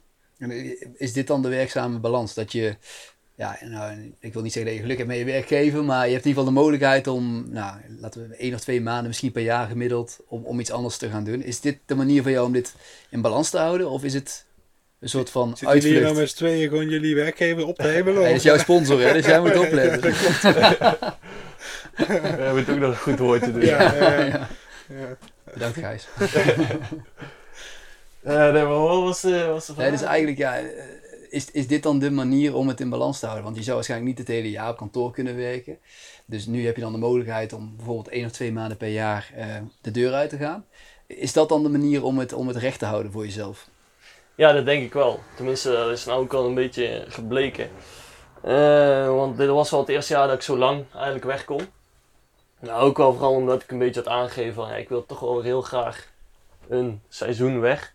Eh, ook met name dus wat ik eerder zei, je moet gewoon super flexibel zijn. Wil je een beetje kunnen doen eh, wat je wil bereiken met het freeriden. Dus als je maar twee à drie geplande weken weg kan, dan is het su- echt, begrijp me niet verkeerd, super leuk en, eh, ja, en heel gezellig. Maar je kunt niet de dingen doen die je eigenlijk eh, zou willen doen. En eh, daarom denk ik wel dat dit een perfecte balans is. Dus ik kan gewoon dan een tijd weg en ik ben flexibel. Maar daarnaast moet je het ook wel gewoon allemaal ja, kunnen bekostigen. Er zijn ook gewoon wel de, de functionele en de praktische aspecten ervan. En daarnaast ook gewoon een, ja, ook wel een hele leuke baan. Dus Het is eh, niet om een baas op de hemel of zo. Goed dat maar ik er nog even het bij is was. gewoon echt een goede, goede combi. En Heb je ja, nou, heb dat je is nou een kruisje, maak je nou een kruisje met je vinger terwijl je dat zegt? Ja, nou goed. Kijk, je hebt er zitten man. Hey, het is dat zonder is, beeld, hè, Nick. Oh, ja. Dus, eh, Oh ja, dat mag ik niet hoeven te ja, ik heb daar ook nog een krukje daaronder staan. Dat je Ja, normaal is voor- ook eh, waar jullie het toen straks zeiden, je denkt vaak alleen zo. Ik zit hier soms gewoon met vier, vijf man eh, s s'avonds in, de- in de camper gewoon spelletjes te spelen. Orgies en al erbij. hier in de kerk. misschien is het dan eh, in ieder geval al. goed om even, Oh, een, even een drankje erbij te pakken. Ja, is goed. Dan lopen we even naar het... eh, je hebt het vuur aangemaakt. Ik weet niet wat hij nog... Zal ik hem even op pauze zetten of zal ik hem gewoon door laten lopen? Nou, kunnen we even een pa- pauze gooien. podcast op te nemen. Want je had het al best wel lang over een keer. Ja, best wel... we moeten misschien zo even vertellen. Ja, kunnen we wel doen. Ja, maar ik, ik draai weer. Hoezo draai je alweer? Ik ben alweer aan het opnemen. Alles wat heel is wel waar. Bij mij werkt Commentaar. Ja, ik moet even omschrijven hoe Niek erbij zit. Want Niek... ik kwam hier aangefietst voor onze tweede opname. De eerste was dan alleen met Niek. En nu hebben we dus onze eerste gast uitgenodigd. En ja, de eerste tekenen van professionalisering zijn al in zicht. Want Niek die heeft een eh, fietsenhouder, waar hij normaal zijn racefiets inklemt. Die heeft hij gebruikt als eh, standaard voor zijn microfoon. Maar het duurde even voordat ik dat door had. Dus ik dacht in het begin dat je echt gewoon zo'n statief had gekocht. Het zag er echt ja, uit alsof hij klaar was voor zijn aflevering in de avondetappe bij Mats. Ja. Maar eh, ja, het ziet er op zich wel eh, redelijk solide uit zo. Ik vind het best wel. Ja, Met je fietsstandaard wordt lastiger. om Ja. GoPro statief hier. Nou, jij moet ook flink wel meesjouwen als je de berg op gaat, denk ik. Eh, ja, je probeert gewoon zo min mogelijk mee te nemen eigenlijk. En ook dat leer je wel hoor. Want eh, het water wat je meeneemt wordt steeds minder. Je zorgt gewoon echt dat je zo min mogelijk bij hebt. Alles wat je mee naar boven neemt, eh, moet je dragen. En dat is gewoon... Is het eigenlijk veredeld langlopen wat je doet? Of ben ik nog aan het vloeken in de kerk? nou, niet aan het vloeken in de kerk. Ja, het doel is denk ik gewoon compleet anders. Dus in principe, ja, je loopt voor de mooie tocht, voor, om in een mooi gebied te komen. Maar voornamelijk is de afdaling natuurlijk toch wel je, je hoofdprijs. Tenminste voor mij. Voor sommigen is het ook niet zo hoor. En bij langlauf is het natuurlijk totaal niet aan de orde. Die willen alleen maar eh, kilometers maken. Komt weer een tractor, komt weer een tractor langs. Ja, John Deere. kijk hoe is het overheen. Dat is een John Deere. Ik weet niet wat het is. Ja. Ford. Ik weet het niet. John Deere, John Deere? zeker. Ja. Hier, nee. Echt hè. Maar wat jij net zei, je neemt zo min mogelijk mee. Dat deed me weer even denken aan die eerste trip toen ik eh, voor het eerst mee... eh, Ga je het zelf, ga je nooit zelf voor de gek houden? Of, eh? Nee, nee, nee, ik weet niet wat jij wil vertellen. Maar... Ik weet wel wat ik wil vertellen. Ja, ik heb geen, verhaal met zelfspot in ieder geval. Maar ik weet nog dat ik... ja, we gingen voor het eerst de bergen in. En ja, je moet zo min mogelijk meenemen. En ik had keurig mijn deo meegenomen, deodorant. En mijn onderbroek had ik meegenomen. Ja, dan hadden we in plek hadden we afgesproken waar we dan samenkwamen. Voordat we naar Zwitserland reden. Zwitserland was het. Dus op die plek, ja, ik wil alles in die tas schrotten. En eh, ik was daar niet echt handig in. Maar toen moest die tas opnieuw ingepakt worden, geloof ik. En dus alles wat ik ingepakt had, daar kwam er weer uit. Zagen ze dat ik vier of vijf onderbroeken mee had genomen. Ik dacht, nou, één onderbroek per dag, dat is wel fijn. en ik weet niet dat die gooide die onderbroeken gewoon eruit, hè. Die, eh, die drie onderbroeken eruit. Dus ja, ik mocht maar één onderbroek meenemen. Ja, je draait hem maar een keer om. ik dacht, ja, oké, dat zal dan wel. En op het einde zet hij er een fles whisky bij mij in. van een liter, hè. Dat is gewoon een kilo. Daar kan ik echt 30 onderbroeken van, eh van inhalen. Eh, we moeten wel prioriteit stellen. Ja, ja. Nou, maar toen gingen we dus, toen liepen we dus de allereerste berg op. We waren, eh, denk ik, 10 minuten onderweg. En toen zag je eh, zeg maar een boomstronk liggen van eh, anderhalve meter groot en zo. Toen, toen zei hij letterlijk van, oh, zullen we die anders meenemen voor het kampvuur van vanavond? en we moesten die berg nog op. Ja, dat krijg ik nog steeds te horen. Dus ik dacht eigenlijk dat je dat wilde gaan vertellen. Nee, ik ga mezelf Weinig niet meenemen meenemen. hier in de... maar ik vond... Ja, ik, ik had iedere keer het gevoel dat ik te veel moest tillen voor mijn gewicht. Dan heb je te veel meegenomen. Ja, ja, dat ook. Maar je moet ook water meenemen en voedsel voor de groep. Maar ik, toch heb ik daar wel iets aan over. Ik weet zeker dat ik na die trip... Want we waren zo voorzichtig met water en eten. Want je moet toch wel eh, plannen. En je moet eerst... Ja, ik weet dat jij altijd zei, eerst de groep en dan jezelf. Dat was voor mij nieuw. ik dacht eerst zelf eten en dan, eh, dan een keer die tent opbouwen. Maar toen heb ik wel echt dingen mee naar huis genomen. Ik weet nog dat ik terugkwam en dat ik echt zuinig begon te worden met water en dat soort dingen. Dat ik de kraan meteen tjak, dicht deed. Dus ja, je wordt daar denk ik wel, als je dan zo'n paar dagen in de bergen bent, je wordt toch wel, eh, het verandert toch altijd wel iets met je. En niet alles blijft hangen. Maar ik denk dat ik toen wel eh, zuiniger ben geworden op een of andere manier. Dat is op zich wel grappig dat je dat zegt, want dat is denk ik ook een beetje de, eh, het simpele wat ik toen straks bedoelde. Dan ga je ook eigenlijk even naar- heel terug naar een heel simpel leven. Je moet gewoon zorgen dat je ja, je eten en je water hebt en eh, daar ga je gewoon heel bewust mee om. Terwijl dat hier zo vanzelfsprekend is. Dus inderdaad, maar dat heb je ook een beetje in een busje. Eh, ja, overal ga je zuinig mee om, ook met water. Je, hebt geen kraan die je openzet, maar je gebruikt echt gewoon minimaal een beetje water. En juist het simpele wat je alleen echt nodig hebt, neem je op zich wel mee terug naar huis. Alleen dat appt weer heel langzaam wel weer eh, een beetje weg. Dat is wel grappig dat je dat zegt, dat wel, het blijft wel hangen, zo'n soort dingen. Ja. Ben, jij, eh, ben jij een minimalist? Of, of neig je naar die... Maar ik probeer er wel bewuster eh, mee om te gaan. Dus Ja? zeker gewoon ook met ja, gewoon consumeren. Dus gewoon, oké, heb ik dit echt nodig, ja of nee? En denk er eventjes over na in plaats van meteen kopen. En dat soort dingen. Dus eh, ja, je gaat er wel over nadenken. Daarom dat het ook naar bij, bij mij naar boven kwam toen je zei van, hé, dat heb ik al mee naar huis genomen. Je gaat wel over dat soort dingen nadenken, ja, zeker. Heb jij dat ook niet? Dat je... Ja, zeker. Weet je, toen ik, ben, ik was 17 toen ik, eh, toen ik Defensie inging, weet je. Ik had, nog- ik had nog nooit iets gezien van de, van de wereld. En eh, nou, als moeder die eh, wist niet wat ze meemaakte toen ik eh, de afwas mee, mee ging doen. Het eerste, eerste Ja. weekend dat ik terugkwam. Ja, en uh, maar die- daar leer je in zo'n militaire opleiding, eh, eh, zeg maar, dan leer je dingen opeens wel heel erg waarderen. Gewoon eh, warmte, überhaupt al. ja, daar kun jij over meepraten, Victor, denk ik. Maar ook, eh, maar zeker ook eh, na, na zo'n trip naar Afghanistan of wat dan ook. Dan, eh, niet, dan is het niet alleen warmte, maar ook gewoon, eh, ja, dan weet je hoe, sle- hoe slecht mensen het ook kunnen hebben. Ja, dat is... Hey, wat ik me afvraag, Victor, van, eh, hoe, noem je jou, eh, wat noem, hoe noem je dat wat jij doet in het algemeen? Freeriden? Ja, je, vaak is het gewoon freeride inderdaad. Het is gewoon off-piste, noem je freeride in principe. Want René had het net over topsporters en dat soort dingen allemaal. Is er binnen dat freeriden ook, zijn er dan ook, zeg maar, iconen of mensen waar je echt tegenop kijkt? Of eh, filmpjes van gaat kijken of iets dergelijks? Of... Ja, zeker. Da- daar is eigenlijk een beetje het, eh, ja, het, het helemaal op gebaseerd, zeg maar. Het, er zijn ook gewoon snowboarders die echt geld verdienen met, zeg maar. En zijn vrijwel altijd allemaal eh, videoproducties en zo, waar ze dan geld mee kunnen verdienen en gewoon die bekendheid. Het is best wel een grote business hoor. Dus eh, dan komt Red Bull bijvoorbeeld om de hoek kijken en dat soort dingen. Ehm, Wat zijn dan grote namen? eh, ja, je hebt er echt heel veel. Waar ik zelf een hele, ehm, ja, gewoon echt een, wel een icoon is, is Jeremy Jones.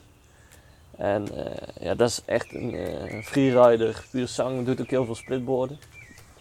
Dus die, die is eigenlijk een beetje, die heeft ook een soort van transitie doorgemaakt van freeriden. eh waar ze met helikopters en vliegtuigen en overal gedropt werden naar juist splitboarden, dus op eigen kracht, eh, zo min mogelijk spullen gebruiken, behalve je eigen dingen. En eh, ja, dus op eigen kracht ook echt naar boven komen. Dus dat is wel heel vet om te zien. En die doet nou echt ja, de gekste, gekste expedities en dat soort dingen. Maar zo zijn er heel veel hoor. En je ziet wel vaak, eh, je- hebt een beetje de, de splitboarders die dus op eigen kracht heel veel dingen doen. Die zijn eh, ja, meer bewust van eh, ja, hoe moet ik dat zeggen? Die zijn heel bewust van dat ze niet meer die middelen willen gebruiken als een helikopter en dat soort dingen.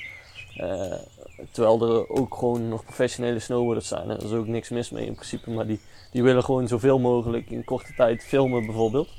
En dan heb je gewoon een helikopter nodig die je vijf keer naar de ja, top van de berg brengt. En dan kun je het vijf keer over doen. Of je loopt één keer zelf en eh, je hebt maar één, één kans, zeg maar.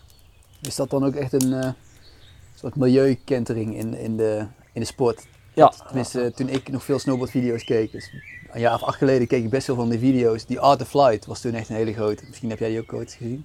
Van Red Bull productie. De Art of Flight heette die geloof ik. ja, dat is een Maar hele dat was, bekende ja, film. was Met echt Travis helikopter. Ja, ik, ik ken al die snowboarders niet zo goed als jij dat kent. Maar dat was echt de ene helikopter naar de ander. En, eh, maar maar is, is dat dan gaande binnen de snowboardwereld? Dat, dat mensen meer bezig zijn met het klimaat, milieu, dat soort dingen? Het is wel een hele algemene tendens hoor. Dus eh, je ziet de laatste jaren merk je wel heel erg dat iedereen zich wel eh, bewust van wordt. Want het is wel zeg maar een soort van onze achtertuin. Waarvan je ook letterlijk merkt dat het minder wordt. Dus met de opwarming van de aarde en de sneeuwval. En eh, eh, ja, het wordt gewoon veel minder. Dus ook inderdaad al die professionele snowboarders die eh, daarvan merk je ook wel dat die zich ook bewuster eh, met het milieu bezig zijn om gewoon de hele footprint kleiner te maken, zodat ze niet hun eigen, hun eigen achtertuin eigenlijk eh, kapot maken. En dat zie je eigenlijk wel bij iedereen hoor. Alleen de ene doet het nog net iets extremer en die zegt ja, ik wil geen vliegtuig meer instappen, ik wil alleen nog maar splitboarden en ik eh, ga ook niet meer naar andere continenten bijvoorbeeld. En de andere die, die probeert het gewoon op andere manieren eh, ook zo, zoveel mogelijk te beperken. Maar die vliegt dan bijvoorbeeld nog wel. Maar het is wel een algemene tendens in de hele, hele snowboardindustrie. Ja. Als je alle middelen zou hebben, en dan bedoel ik ook financiële middelen, zou je dan eh, die helikopter wel pakken zes keer op een, op een dag? Of eh, kies jij dan terecht voor je splitboard? Eh, helikopter heb ik eigenlijk... eerst wilde ik dat super graag doen. En ik heb eigenlijk nou pas sinds anderhalf jaar dat ik gewoon echt zeg, nee, een helikopter zou ik niet meer pakken. Dat niet meer doen. Om, om die reden dus ook. Ja, en ik denk nu ook sinds dat ik nou aan het splitboarden ben, denk ik ook niet dat het me zo heel veel meer brengt dan wanneer ik zelf ergens naar boven zou eh, lopen, waar je al superveel voldoening van hebt. En dan die afdaling er nog bij, ten opzichte van heel gehaast met een helikopter een paar keer op en neer gaan. Ik denk dat je ach- achteraf misschien zelfs nog wel, eh, ik weet het niet zeker hoor, want ik heb het dus nog nooit gedaan met de helikopter. Eh, maar ik denk dat, dat je misschien van het splitboarden nog wel meer voldoening hebt. Ja, ik zit even te denken, Niek, maar met wielrennen is het ook wel zo. Stel dat jij met een helikopter naar de top gebracht zou worden. Gaat niet gebeuren Ik vind het wel lekker om alleen af te dalen hoor. ja, met jouw gewicht is het wel gruwelijk makkelijk natuurlijk. Nee, inderdaad. Het gaat, om de, het gaat toch om de, om de grind. Ja, je wil het De- toch verdiend hebben, denk ik. Ja, op een zeker. of andere manier. Dus dat kan, maar hoe ligt die verhouding? Want met fietsen, dan, dan fiets je misschien twee uur lang de Mont Ventoux op. Ik weet het niet uit mijn hoofd. En dan zul je binnen een kwartier of zo beneden zijn. Is, is dat... eh, lopen naar boven gaat denk ik veel trager natuurlijk. En beneden ben je veel sneller. Hoe, hoe ligt Ja, ja, zeker. Er zijn gigantische verschillen wel hoor. Ligt natuurlijk aan de tocht, maar ehm, ja, je, je plant eigenlijk altijd een route. En dan moet je ongeveer, tenminste hoe ik mijn route plan, is ongeveer een uur per 400 hoogtemeters. Ja? En een eh, uur per 4 kilometer, horizontaal. Eh, dat reken je eigenlijk uit. En dan mag je de eh, minste van die twee, mag je door twee delen. Dus als het dan bijvoorbeeld, eh, je hebt minder, je hebt 400 hoogtemeters en je hebt bijvoorbeeld 2 kilometer. Horizontaal, dan mag je die 2 kilometer, dat tijd mag je door twee delen. En dat pak je samen. Dus je kunt er ongeveer van uitgaan als je dus een tocht van, eh, ja, heel sec gezien eventjes 1000 hoogtemeters pakt. Dan heb je alleen voor de hoogtemeters, eh, heb je dus al ja, 2,5 uur nodig voor die hoogtemeters. En dan heb je de horizontale meters nog niet meegepakt. Zit er dus bijvoorbeeld nog een heel groot stuk in horizontaal, waar je geen hoogtemeters verloopt, dan loopt dat ook nog op. Hoe zei je dat Dus- nou? Die mag je door de helft. De horizontale meters mag je door de helft. Nou ja, dat ligt eraan. Dus het, eh, het, kleinste, het kleinste getal. Dus Oh, je zo, ah, deelt eigenlijk op in secties. Dus als het horizontale gedeelte, als je een heel horizontaal vlak eh, gedeelte erin hebt zitten. En dat, dat getal is dus eigenlijk hoger dan de hoogtemeters, dan deel je die door twee. Ja, de kleinste deel Ja, ja, ja, oké. Ja. Is dat... Oh, nee, nee. Nee, dus, dus ja, als ik dit zo hoor, dan kun je goed kaart lezen. Is, is dat ook een vereiste om te gaan splitboarden? Dat je wel de route goed kent, dat je dat vanuit de kaart kunt lezen, die hoogtemeters. Dat je weet, nou ja, je weet, Ja, nee, het ligt er heel erg aan wat je gaat doen, want je hebt ook heel veel routes die gewoon op internet staan. En dat is heel simpel, er staat gewoon een startpunt en daar loop je naar boven en dan lopen 100 man dagelijks naar boven. Eh, maar als je echt zelf dingen gaat plannen, dan moet je wel kunnen kaart lezen inderdaad. Om überhaupt die tijdsplanning een beetje te maken. En, eh, kompas neem je ook mee. eh, ja, ik heb mijn sporthorloge altijd mee, dus dat is wel fijn. Gebruik je GPS ook? Of dat... eh, ja. Ja, vooral het fijnste wat ik wel vind is mijn hoogtemeter te gebruiken. Het is gewoon eh, met je, er zit ook een barometer op en dan kan ik, eh, ja, met de hoogte kun je altijd toch wel heel snel eh, zien. Ook daarnaast op basis van, eh, van die kaart die je vaak al voorbereid hebt. Dus ik heb meestal neem ik gewoon een, eh, een van de kaart van de route die ik die dag heb. neem ik mee op mijn telefoon. Daar teken ik de route in. En dan weet je ongeveer wel waar je zit. En dan doe je markante punten, zet je daarop. En dan kun je ook heel snel even checken, oké, op die hoogte zit ik ongeveer, dan moet ik ongeveer hier zitten op mijn kaartje. En dan weet ik dat die markante punten in de buurt zitten. Zo kun je best wel... eh, Hey, hoe heb je dat allemaal geleerd dan? Want eh, dit soort dingen eh, proberen we probeerden ze ons bij Defensie ook te leren, maar mij hebben ze nooit een nee, geintje. nee, nee ik, was er, ik was er nooit geen superheld in. Maar ik wil zeggen, hoe heb je dat allemaal geleerd? ja, er zijn gewoon heel veel cursussen voor. Dus, je ik ben gewoon met de gids op pad gegaan. Ja, wacht, eh, je bent gewoon met de gids op pad gegaan. Waar vind je die gids dan? Of? Ja, dat zijn gewoon commerciële... Oké. Dat zijn dus echt eh berggidsen, snowboardgidsen vaak ook. En, Dus, dus ooit eh, stopte je met voetballen en toen had je zoiets van, hé, hey, eh, ik ga met die gids op pad. Of nee, nee, want dat is nog niet zo lang geleden dat ik het allemaal heb gedaan hoor. Hoe, hoe begon je? Waar kwam je? Nou ja, ik begon dus als snowboardleraar. Ja. Echt twee jaar gewoon snowboardleraar. Nou ja, dan word je op zich ook wel redelijk goed in snowboarden, of tenminste een beetje boven gemiddeld. Nou, ik kan zeggen dat hij heel goed is. Dat eh, Nou, heb ik nou ja, de- onder levende lijf ondervonden in ieder Oké. geval. Niet te bescheiden. het mag nog wel, eh, wel omhoog van mezelf, vind ik. Maar nou ja, dan snowboard je gewoon heel veel. En dat is gewoon eigenlijk de essentie. Als je heel veel snowboardt, word je er ook gewoon echt goed in. En dan ga je ook freeriden. En op een gegeven moment wil je jezelf toch meer uitdagen. En die uitdaging die vind je dan niet meer door een klein stuk af te steken. En dan kom je meer bij dat soort dingen terecht. En dan ga je, eh, ik ben begonnen met wel online cursussen, gewoon om echt de theorie te krijgen van het freeriden. Dus dat heeft ook meer met het veiligheidsaspect te maken. En eigenlijk de laatste tijd ben ik dan eh, wel meer naar het splitboarden gegaan. En dan Wat, komt wat, voor, wat voor cursus doe je dan? Wat, eh, hoe, kom je bij die cursus terecht? Ja, gewoon echt zelf opgezocht. Dus ik heb voor bij- bijvoorbeeld WePowder is een forum. Dat, was ook, dat boek was ook van WePowder. Dat is ook Ja. van WePowder inderdaad. En die hebben online modules. Dus die hebben twee online modules die je gewoon on- ja, digitaal kunt volgen. En eh, ja, daar wordt heel veel lawinekunde eh, ja, over veiligheidsaspecten. Komt eigenlijk heel veel aan bod voor het freeriden. Dus dat is echt gewoon om een soort van veilig op pad te kunnen. Maar dat is wel echt alleen het theoretisch gedeelte. En dan heb je ook nog het praktijkgedeelte. Dus eh, je hebt ook materialen bij, zoals een lawinepieper, schep, zonde. Eh, Schep zonde. een schep en een zonde. Dus een, een schep is eh, ja, logisch, het is Hmm. vaak zo'n uitklapbaar schepje. Eh, waarmee je dus iemand zou kunnen uitgraven mocht het misgaan. En een zonde is eigenlijk je prikstok om iemand te lokaliseren na, eh, nadat je hem dus met de pieper gezocht hebt. En daar is natuurlijk ook wel gewoon eh, eh, een, een stukje praktijk voor nodig. Want je moet wel letterlijk gewoon weten hoe je met die apparatuur om moet gaan en hoe je, ja, welke methode je daar eigenlijk voor, eh, voor aan moet houden. Dus dat, dat leer je ook in het theoriegedeelte. Maar dan moet je ook wel gewoon in de praktijk brengen. Dan ga je langzaam dat soort dingen doen. Dus een stukje praktijk van, eh, van het zoeken. En nou, laatst heb ik dus nog eh, echt een splitboard cursus gehad van een, eh, vijf dagen. En dan ga je echt met de snowboardgids op, op pad, dus die echt opgeleid is om je dus dit soort dingen te leren. En dan leer je routeplanning, maar je leert ook gevaren herkennen in het terrein. Ja, je leert dan eigenlijk gewoon van, van A tot Z al een beetje hoe je veilig op pad kunt gaan, zelf veilig op pad kunt gaan in, in het terrein. En wat, eh, wat, is, de- wat is eh, regel 1?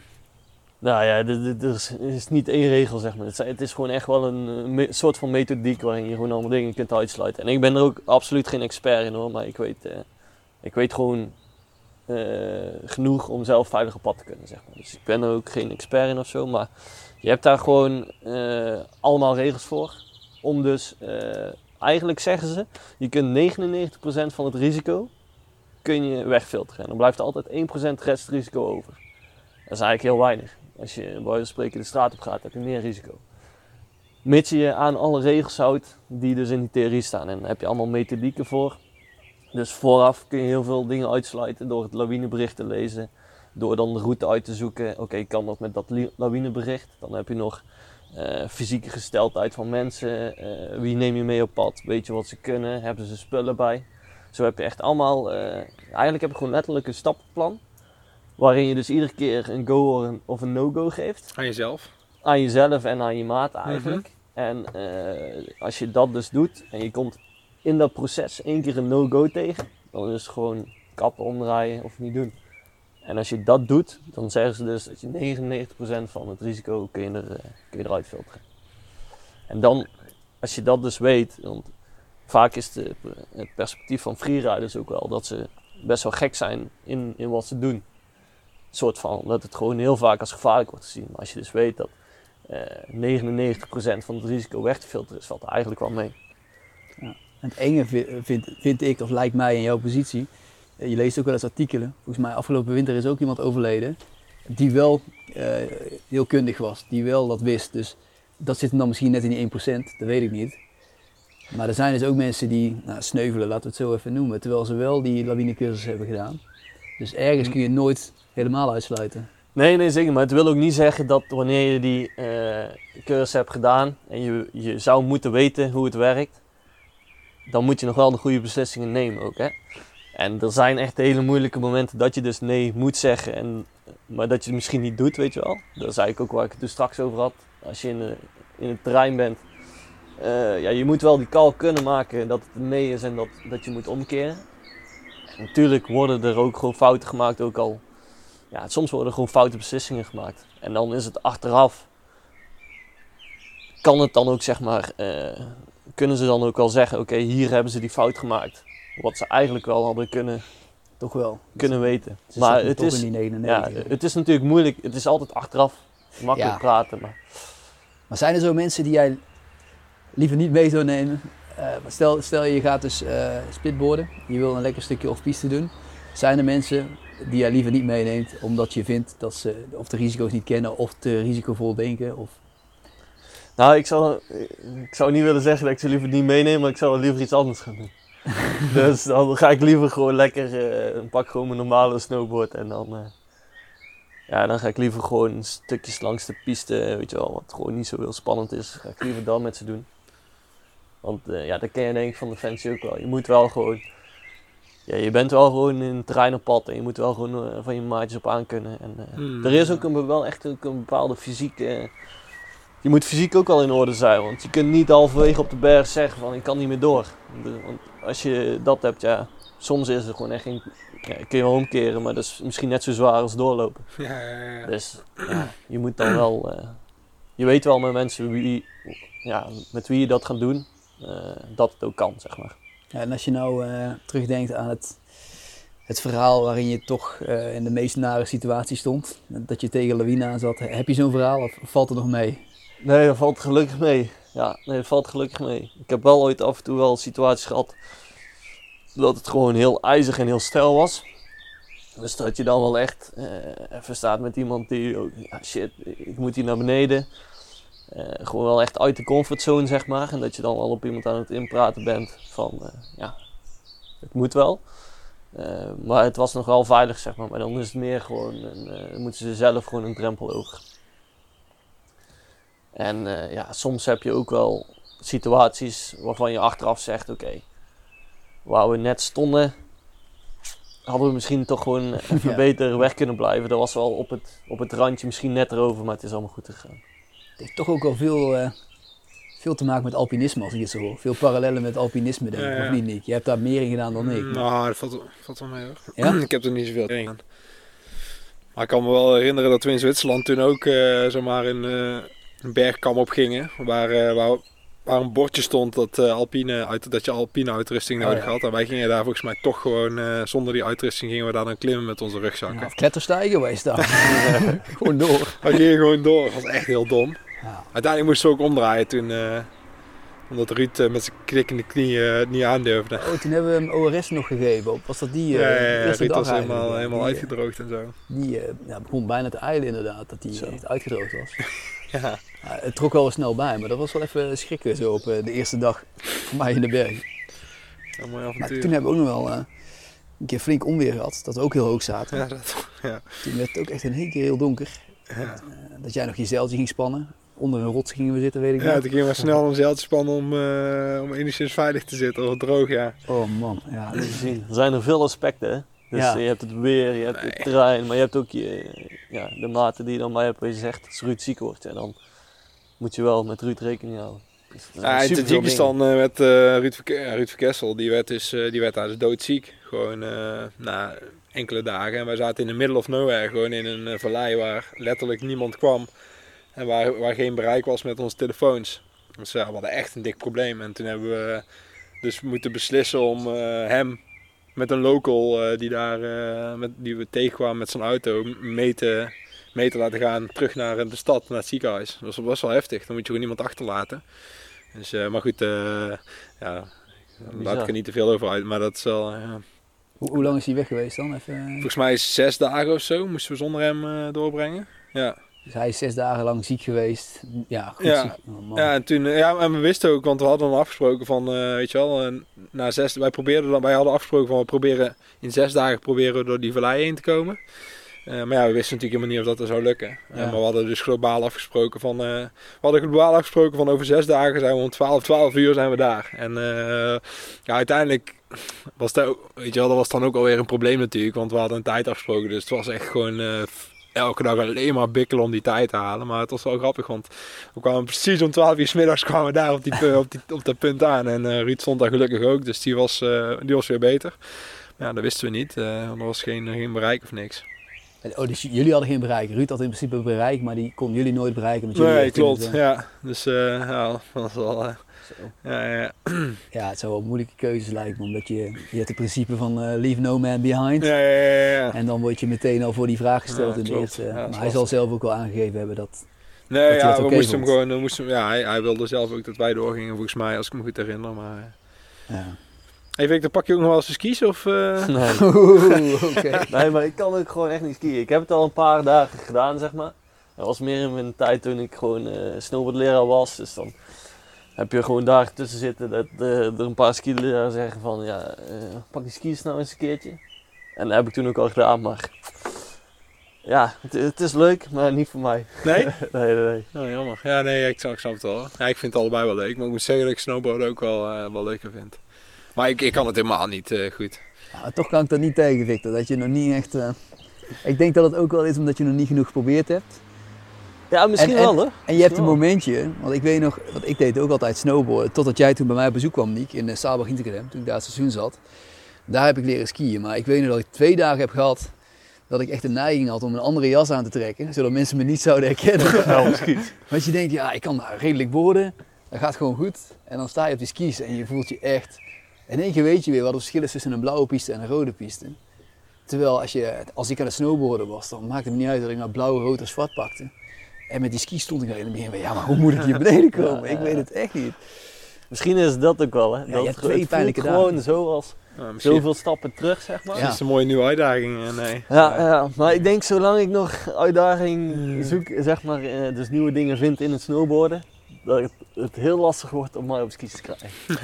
maar wie weet is er ooit een dag dat ik inderdaad wel gewoon... eh, Nou, je toch hebt op je snowboard al in tweeën gezaagd, dus je bent... eh, Ergens zou ik op skis. eigenlijk Ja. Kia gewoon omhoog. Het ski omhoog inderdaad. Ja. Maar ik ben blij dat ik hem daar nou weer eh, in elkaar kan klikken dat weer een snowboard is. Waar koop je zo'n eh, splitboard? Ja, kun je eigenlijk. eh, het is best wel populair aan het worden hoor. Dus je kunt het in eh, ja, Nederlandse shops, weet ik niet zo goed. De echte snowboardshops z- zal het ook wel hebben. Eh, maar online heb je natuurlijk ook heel veel eh, webshops die het gewoon eh, verkopen. Je hebt ook een grote Nederlandse webshop eh, die ook gewoon echt wel freeride georiënteerd is. Heel erg op skitouren en splitboarden. En in Oostenrijk en al die landen is het, is het echt heel populair. Oké. Dus dan kun je ze... Dus, eh, nou goed, ik, stel ik wil volgend jaar gaan splitboarden. Wat, eh, wat is de route? Wat, ik bedoel niet per se de route letterlijk, maar, eh, zeg maar wat, wat zijn de eerste stappen? Ja, gewoon, ik zou, je kunt ook best wel tegenwoordig materiaal huren. Dus dat je gewoon één dag je spullen huurt. En dan is het gewoon, eigenlijk zijn er ook heel veel toegankelijke routes. En je hebt zelfs routes die gewoon eh, langs de piste lopen. En dat is eigenlijk al een goede start. En dan heb je wel al het gevoel, eh, dan heb je vaak eh, wandelpaden die toch nog even een stukje door de bossen gaat. Dus je eventjes weggaat van die piste en dan kom je weer op de piste terecht. En zo loop je naar een topje en dan heb je wel het gevoel en ja, de voldoening van een top bereiken. En ook door, door de bossen lopen. Dat is denk ik gewoon het beste om, om ermee in aanraking te komen. Nee, nee, is eh, duidelijk. Dus het is op zich wel redelijk laagdrempelig. Het klinkt misschien niet laagdrempelig, Nee, het klinkt, maar je eh, je spullen huren voor 50 euro waarschijnlijk. En dan Ja, ja. kun je het een dagje proberen op zo'n manier dat eh, je... Het is zo populair eigenlijk geworden in Oostenrijk en al die landen. eh, want daar zien ze het echt gewoon als een, als een sport. Hè? Dus Ja. wat wij hier doen als hardlopen, dat doen ze daar in de winter als, eh als eh tourskiën. Dus normaal doen hun veel aan trailrunning, hardlopen in de bergen. In de winter kan dat niet en dan gaan ze ski- tourskiën. Zo moet je het eigenlijk zien. Alleen voor ons is wintersport echt een beetje op vakantie gaan. Eh, en is daarom denk ik het tourskiën niet zo super bekend. En splitboarden. En qua, qua eten, want eh, wat zijn nou de dingen die je altijd meeneemt in de camper of altijd meeneemt tot de piste? Want volgens mij, ja goed, als wij samen aan de boorden zijn, dan gaan we een restaurantje in. Maar als je alleen bent, dan eh, volg je meer die minimalistische richtlijn. Ja, ook Als je wel. naar de wc gaat, maar je bestelt niks.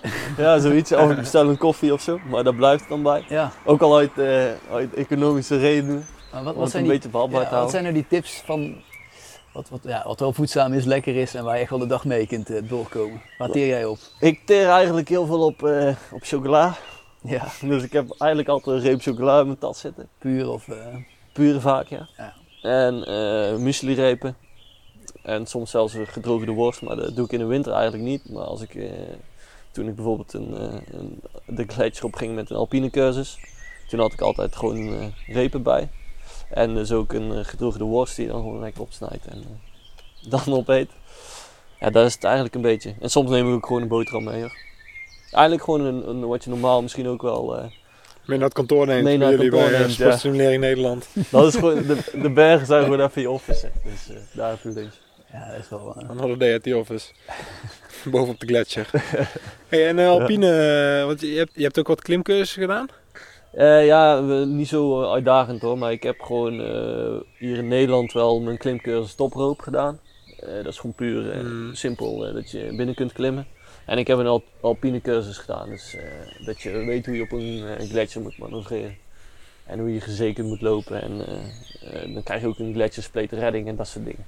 Hey, Maar wel echt is- alleen is dat- basis. Is dat C1 of eh, hoe Ja. noemen ze die? C1 toch? Ja, C1. Ja, Vanuit de Koninklijke Nederlandse Klimbond. ja dat is NKBV is Of dat. NKBV, ja. Ja, maar er zijn er heel veel organisaties die C1 aanbieden hoor. Dus je hoeft het niet per se bij de NKBV te doen. Het, is een, het is een standaard, die, eh, die C1. Het wordt een beetje C2. algemeen eh, aangehouden als standaard. Dus je hebt de C2, C3 heb je ook nog zelfs. Ja, je kijkt naar mij, want ik heb jullie ook wel eens mee, eh, mee, meegenomen om te klimmen volgens mij. eh. maar ik heb nooit zo'n cursus gedaan. hoor. Nee, ja, ik denk, jij zult het ook wel weten. Nee, ja, ik weet het wel. Ik, ik bedoel, ik heb het allemaal wel geleerd. Ja. Eh, maar eh, nooit cursussen gehad. Nee. Maar wij gingen in België toen volgens mij, hebben we wel eens eh, op zo'n wand, eh, zo'n verlaten wand, gingen we klimmen volgens mij. Ja, als meer kletterstijgen volgens mij. Oh, ja. Toen hebben we ook nog daar geslapen. Upside hebben we ook gedaan volgens mij, denk ik. Upside inderdaad. Hebben we daar nog overnacht. Ja. ook, ook, ook eigenlijk een soort mini eh, Ja, was ook een mini micro eh, adventure. micro adventure, ja. Maar eh, ik, want ik, ik heb vrienden die we misschien ook nog wel een keer kunnen uitnodigen. Die hebben C2 en... Heb je ook C3? Kan dat? Of niet? Nee, ik heb geen C3. Wel C2. Oh, ja, die heb je wel C3, ja. Ja, nee, zeker. ik dacht even dat je het ook over mij had, maar nee, ik heb het bij C1. Nee, nee, maar het bestaat wel. Maar dan na Ja, een tijdje ja, moet je ook echt van die alpine schoenen en zo gaan. Ja, eh, ik had ook al, eh, je moet sowieso bij C1 ook al echt alpine schoenen hebben. eh, en stijgijzervriendelijk. Dus dat je stijgijzers om kunt binden, heb je van die ijzeren pinnen. En je moet een pico bij hebben. Dus eh, dat zijn wel echt gewoon ja, een beetje standaard uitrusting die je op de gletsjer bij moet hebben. Maar dat begint al wel vanaf eh, C1. Moet je daar topfit voor zijn om C1 te kunnen doen? Eh, nou, topfit zou ik niet willen zeggen, maar de, volgens mij was het de maatstaf die ze hanteerden, is dat je acht uur op een dag moet kunnen wandelen. Dus dat is toch redelijk, je moet wel redelijk kunnen lopen. En eh, ja, ik, ik zat in een groep en je kon ook wel merken dat een, een paar in de groep was het ook al echt uitdagend. En die hebben ook niet altijd de volledige tocht eh, kunnen afmaken. Die liggen daar nog steeds. Nee, die zijn eventjes achtergebleven, die hebben we netjes weer opgehaald. En, eh, Ze mochten mee terug. En waar, waar was dat? Welke locatie had je toen? Ik heb het in Vent, Oostenrijk gedaan. En eh, ja, dat is eigenlijk nog net iets verder eh, het, eh, het dal in, zeg maar als je Zulde nog verder rijden, dan kom je eigenlijk in Vent uit, vlakbij Open Google. Dus dan heb je een gletsjer dat je tot, tot een metertje of 2,5, 3000 meter of zo. Ja, dat is heel erg. Eigenlijk moet ik al die toppen die we toen hebben gedaan natuurlijk onthouden. We hebben toen de twee na hoogste top van Oostenrijk gehad. En ik dacht dat het 3400 meter was. Dat is wel serieus hoog. Ja, 4 of 3700. oké. Ja. En, en smaakt het naar meer? Heb je nu zoiets van, oké, dit was C1, volgend jaar dat en daarna dat? Nou, ik- ging het eigenlijk meer doen, eh, niet zozeer echt alleen voor het alpinisme, maar ik wilde het ook weer toepassen op het snowboarden. En dat vond ik daar best wel ver weg staan van het snowboarden. Dus daarom heb ik eh, dit jaar eigenlijk eh, een cursus met een snowboardgids om te splitboarden gevolgd. En dat was eigenlijk meer om het in de richting van het snowboarden te krijgen. Dus ja, het smaakt wel naar, weer- naar meer, maar wel echt voor het snowboarden. En niet zozeer voor het bergklimmen zelf, Hm. voor het alpinisme. Hoe zien eh, je tien weken er volgend jaar uit? Eerst even met de baas overleggen, denk ik. Nee, dat staat in principe wel vast. Echt staat het al vast? Ja, ja. Ik krijg niks geregeld en jij... eh, Oh, dan wordt het een heel ander gesprek als we mag dat... ik alsjeblieft een lang weekend weg en jij... eh, Nee. Nee, ja, ik in, niet- principe, niet klagen. In principe staat mag ik gewoon weer... eh, eigenlijk doen we weer eh, hetzelfde. Ja, ja. Kom je, maar hoe, het, eh, hoe, ja, hoe ziet het eruit? Oostenrijk. Kan, ik, ik hou het op de Alpen, laat ik het zo zeggen. Want eh, dat heb ik dit jaar in principe ook gedaan hoor. Alleen eh, helaas kon ik, ik wilde ook heel graag nog naar Zwitserland en naar Italië. Maar er is gewoon super weinig sneeuw eh, gevallen. Dus eh, ja, dat was gewoon niet mogelijk. Ehm, dus ik hoop gewoon volgend jaar heel veel sneeuw. Wat is het alternatief eh, in plaats van de Alpen? eh, volgend jaar denk ik nog niet. Ja, nou Ja, maar ik trouwens, ik bedoel, heb- is er een, is er een alternatief Oh, ja, in. Europa? Ja, Wat, wat, ja. waar kun je nog meer heen? Ja, er zijn heel veel alternatieven, maar ik, ik wil ook heel graag nog naar eh, Noorwegen. Dus in Noorwegen is het eh, qua skigebieden wel al minder en alles is wel wat lager. Andere soort bergen. Maar je kunt er wel heel mooi eh, splitboarden en skitouren. En zeker als je richting de Lofoten gaat. Dus heb je eigenlijk eh, heel veel fjorden en dat het ook echt vanuit het water in één keer heel hoog gaat. Eh, daar zou ik nog heel graag naartoe willen. En ik heb zo nog wel veel meer plekken op mijn lijstje staan hoor. Dus ik zou ook nog wel graag naar andere continenten willen, maar ik wil eigenlijk eerst dus Europa een soort van afgevinkt hebben voor ik zeg van oké, nu Eerst wil je heel dat boek uit hebben, wat je net, eh, dat dikke boek wat je net eh, liet zien, wil je eerst uit hebben. En dan, Ja, eh, ergens wel. Ergens vind ik het ook wel een beetje, ja, voordat ik verder ga kijken, voordat ik naar Japan vlieg bijvoorbeeld. Vind ik wel, zou, zou, dat, zou dat je droomstemming zijn dan? ja, wel een van de. Patagonia zou ik ook nog heel graag naartoe willen, dus Chili, Peru, die kant op. En dan heb je natuurlijk nog Noord-Amerika, dat je richting ja, British Columbia die kant op gaat. En, Canada. Stel nou dat er iemand, eh, iemand luistert eh, mee, want jij bent 27 geloof ik hè? 27? 26. 26? Ja. Eh, iemand van 20 luistert nou mee en die denkt van ja, dat is allemaal leuk en aardig, zou ik echt wel willen. Maar daar heb ik het geld niet voor. Ehm, ja, natuurlijk moet je een camper aanschaffen, daar zit gewoon het grote geld in. Maar als jij nou zo twee maanden richting Oostenrijk gaat, ja, geef je dan veel geld uit? Is, als je het op jouw manier doet, kun, je een schatting, ja, heb je daar veel geld voor nodig? Eh, nee, in principe niet. Ja, ja, de, de camper natuurlijk wel. Dat kost gewoon geld. Dus ja, dus daar praat heb je wel, over 15 tot 20.000 euro voor een fatsoenlijk campertje. ja, ja, daar heb je wel nodig inderdaad. En eh, als je daar eenmaal bent en je doet het dus met een skipas, eh, een, een seizoenspas, dan valt het eigenlijk wel mee. Dus eh, het meeste geld gaat toch, het is misschien heel cliché om te zeggen, maar het gaat naar apres-ski. dus je, ja, als je iedere avond in de Ja. bar hangt en er 50, 60 euro per avond erheen eh, jaagt, ja, dan gaat het natuurlijk snel. En die avonden die zijn erbij, maar die probeerde ik dit jaar ook zoveel mogelijk te vermijden. En dan is het wel echt mogelijk om gewoon echt op een low budget manier te leven. Want je, je haalt je, je eten gewoon in de supermarkt. Skipas heb je al, dus daar hoef je geen rekening meer mee te houden. En je onderkomen heb je. En that's it. Dus dan kon ik gewoon een week, bij wijze van spreken, stond ik bijvoorbeeld in Sport Gastein. En eh dus had ik een mooi plekje. En ik zat midden in de bergen, want je zit daar eigenlijk aan het einde van, van een weg in een dal in een natuurpark. En eh, ja, daar heb ik een week gestaan. En ik denk dat ik eh, 20 euro op heb gemaakt aan voedsel Zo. en, eh, en eten. Hoppa, nou dat is wel lekker. Dus Ja. het kan wel, maar eh, ja, zodra je dan weer in de eh, eh, ja, skigebieden komt waar reuring is, ja, dan ga je toch uit. Of je gaat naar een bar of je gaat uit eten. Ja. Dat kost geld. Als je het slim doet, want, want die camper heb jij een paar jaar geleden gekocht. En nu verkoop je hem weer. Als je een beetje geluk hebt of als je een beetje slim bent, dan, dan is dat eigenlijk een investering die je misschien wel weer terugkrijgt. Of, of gaat er altijd wel veel geld aan verloren. Poeh, ja, dat is een moeilijke. Dat is denk ik wel een hele specifieke. Ja, dat ligt natuurlijk gewoon helemaal aan het voertuig. Ik, zit, ik heb nou twee bussen gehad. Dat, waren, zijn eigenlijk oldtimers. Dus die ik nu heb is 30 jaar oud en die ik daarvoor had was nog ouder. En daar heb ik best wel veel geluk mee gehad. Dat die dus ook in één keer best wel gewild waren.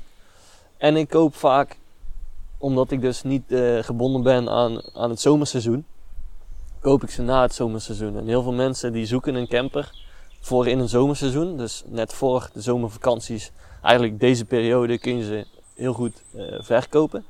En dan liggen de prijzen ook hoger. En ik kocht hem dus altijd eigenlijk een beetje na het seizoen.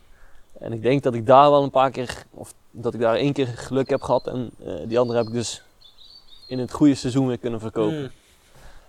Maar het is denk ik gewoon heel specifiek per bus. Want ook die oude busjes, natuurlijk heb je daar wel meer onderhoud aan. En eh, er gaat ook veel geld in zitten. Dus met een beetje geluk verdien je er wat op. En eh, het is wel zo, het is gewoon algemeen wel bekend. Je hebt een goed seizoen om een camper te verkopen, net als eh, een wielrenfiets, die verkoop je ook in een bepaald seizoen en die verkoop je niet in de winter. Ja. Zo, zo is het wel. Ja, ja, dat is waar. Nee, zeker. Ja. Hey, en eh, Victor, eh, hebben wij nog iets, eh, iets niet gevraagd? Of zijn er dingen waarvan je denkt van, nee, Tot midden hebben we gezaagd. Ja, joh, ik. eh, nee, ja. Ehm, hebben jullie iets niet gevraagd? misschien hebben we wel iets over het hoofd gezien. Ja, het, het is- hoeft niet per se. Jullie hebben me trouwens een vraag gesteld van tevoren al. Ja, inderdaad, ja, dat is wel een goeie. mee, Ja, ja. ja, weet je, Maar, ik was zondag aan het hardlopen en eh, ik loop altijd wel onverhard. En ik zat in een boomhut en ik hoorde nou, eigenlijk een beetje dit, maar dan in het kwadraat, vogelgeluidjes. En ehm, ik denk dat iedere, iedereen die graag buiten is, die heeft een bepaald geluidje dat hij, ja, als hij dat hoort, dan, dan komt er iets in hem los. Of in haar los. En ja, dus, dus was mijn vraag aan Victor, welk, welk outdoor geluidje, het is een hele moeilijke vraag misschien, ja, geeft jou het beste gevoel dat je maar kunt hebben? Ja, het- het- wat je zegt, misschien is het wel een hele moeilijke vraag. In eerste instantie dacht ik, oh, dit, is, ja dit is een moeilijke vraag. Ja. Maar na een minuutje was het eigenlijk al toch best wel snel duidelijk. Ik, ik moest er wel echt even over nadenken, gewoon om, om er überhaupt bij stil te staan. Want Ja. Dat, ja, dat doe je normaal gesproken niet. Hmm. Eh, maar ik vind de, de wind, als ik gewoon aan het splitboarden of aan het snowboarden ben, is de wind is er altijd, maar het is toch altijd anders. En dat vind ik wel echt super vet. En het zegt ook heel veel over, eh, over puur en alleen die tocht of zo.